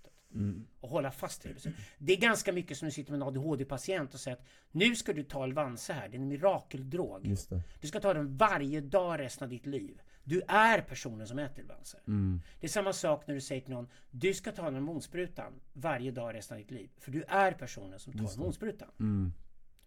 Och jag kan säga så här, de som du klockar rätt på, de har också lärt sig älska sig själva från den de var. De får aldrig hata sitt förflutna. Ingen människa får någonsin hata sitt förflutna. De måste gå igenom det ordentligt. De måste älska den de varit, älska killen eller tjejen de har varit innan de byter. Och sen när de går igenom det här kan jag säga att när de får sin första hormonspruta av det andra hormonet, de gråter lycka. Wow, så pass? Det är så starkt, de kan sitta och vråla rakt ut. Det här är så jag! Wow. Det är för att de känner Och då vet du att du har klockat rätt. Verkligen. Men Ja. är det symboliken i det? Eller Ja, det för det, deras ja. hjärna och kroppen hänger ihop för första Just gången. ja. Och sen är resten smink. Alltså operationerna och liksom, du vet att Ja. det är egentligen smink till det här som tillkommer. Det, det är första hormonsprutan som är så otroligt viktig för dem. Och när man fått den och känslan de har i kroppen. Är det så här det känns att ha det jag saknat hela mitt liv? Ja, jag fattar. Men tycker du det borde finnas någon åldersgräns för när man får göra den? Ja, nu måste vi ha det. Vi måste ha det därför att förr var det så få som fick diagnoser och man klockade rätt så mycket. Vi har så jävla många förvirrade tonåringar i vårt samhälle idag. Inte minst tjejer som kommer in och är jätteförvirrade för, för att de ska bli killar och det är helt, helt andra problem de håller på med egentligen. Och då tycker jag även de transsexuella känner att det är bra idag att vi stoppar och kör. Men vid 18 års ålder kommer du in och du är vuxen, gjort ett genomtänkt beslut och du är stöd, stödd av psykiatrikern och psykoanalytikern säger att klart transitionsfall, klart du ska få göra det. Mm, Vi har ju redskapen att göra det idag. just det. Och många kan få en fantastisk livskvalitet. Ja. Och många av mina favoritpatienter jag har haft, de är killar som kommer dö eller tjejer som kommer dö. Du skulle aldrig i ditt liv tro att de var födda motsatt kön. Mm. Ingenting vid deras beteende, utseende, ingenting. De har assnygga killar, assnygga tjejer som har gjort alla de sakerna. Mm. Så det, och det är ju de som är mest lågmälda, de skriker och gapar minst. Det är ju de som lyckas mest. De också. som är nöjdast. Mm. Ja, De som ska, gapar och skriker är oftast de som det var fel anledning från första början. Just det. Grymt Alexander! Stort, stort tack att du tog dig Stort tiden att tack gästa. för att du var här, Det då. var underbart. Jag hoppas du vill komma tillbaka i nöje, Vilket framtiden. härligt gäng du har här. Ja, tack snälla. Tack snälla. Ja, det är Ja, teamet toppen. liksom. Jag är glad att du gillar dem. I Ja. framtiden hoppas du vill komma tillbaka. Så kan Ja. vi styra upp någonting med någon annan som kanske har lite motsatta åsikter. Och sådär. Men eh, för min del var det jättekul att lära och höra och alltid tyckte du är smart och klok. Och, eh, så det är en ära för mig att du är här. Detsamma Ali. Tack Lycka till med allting. Tusen tack Alex. Och till er som har lyssnat, nu har vi fått Alexander Bard äntligen efter massa tjat och alltihop. Så jag hoppas ni gillade det här avsnittet. Gjorde ni det så likea, kommentera vad ni tycker, höll, höll ni med, vad höll ni inte med om? Och eh, ja, som vanligt, fortsätt engagera er så kan jag fortsätta bjuda riktigt härliga gäster. Och sprid gärna avsnittet till era nära, kära vänner, kollegor. Gå även in på Spotify, ge oss fem stjärnor där, playa avsnittet där så boostas vi i algoritmerna. Så tills nästa gång så får jag önska er ett stort tack att ni lyssnade, så syns vi och hörs vi alldeles strax. Kärlek, ha det bäst nu!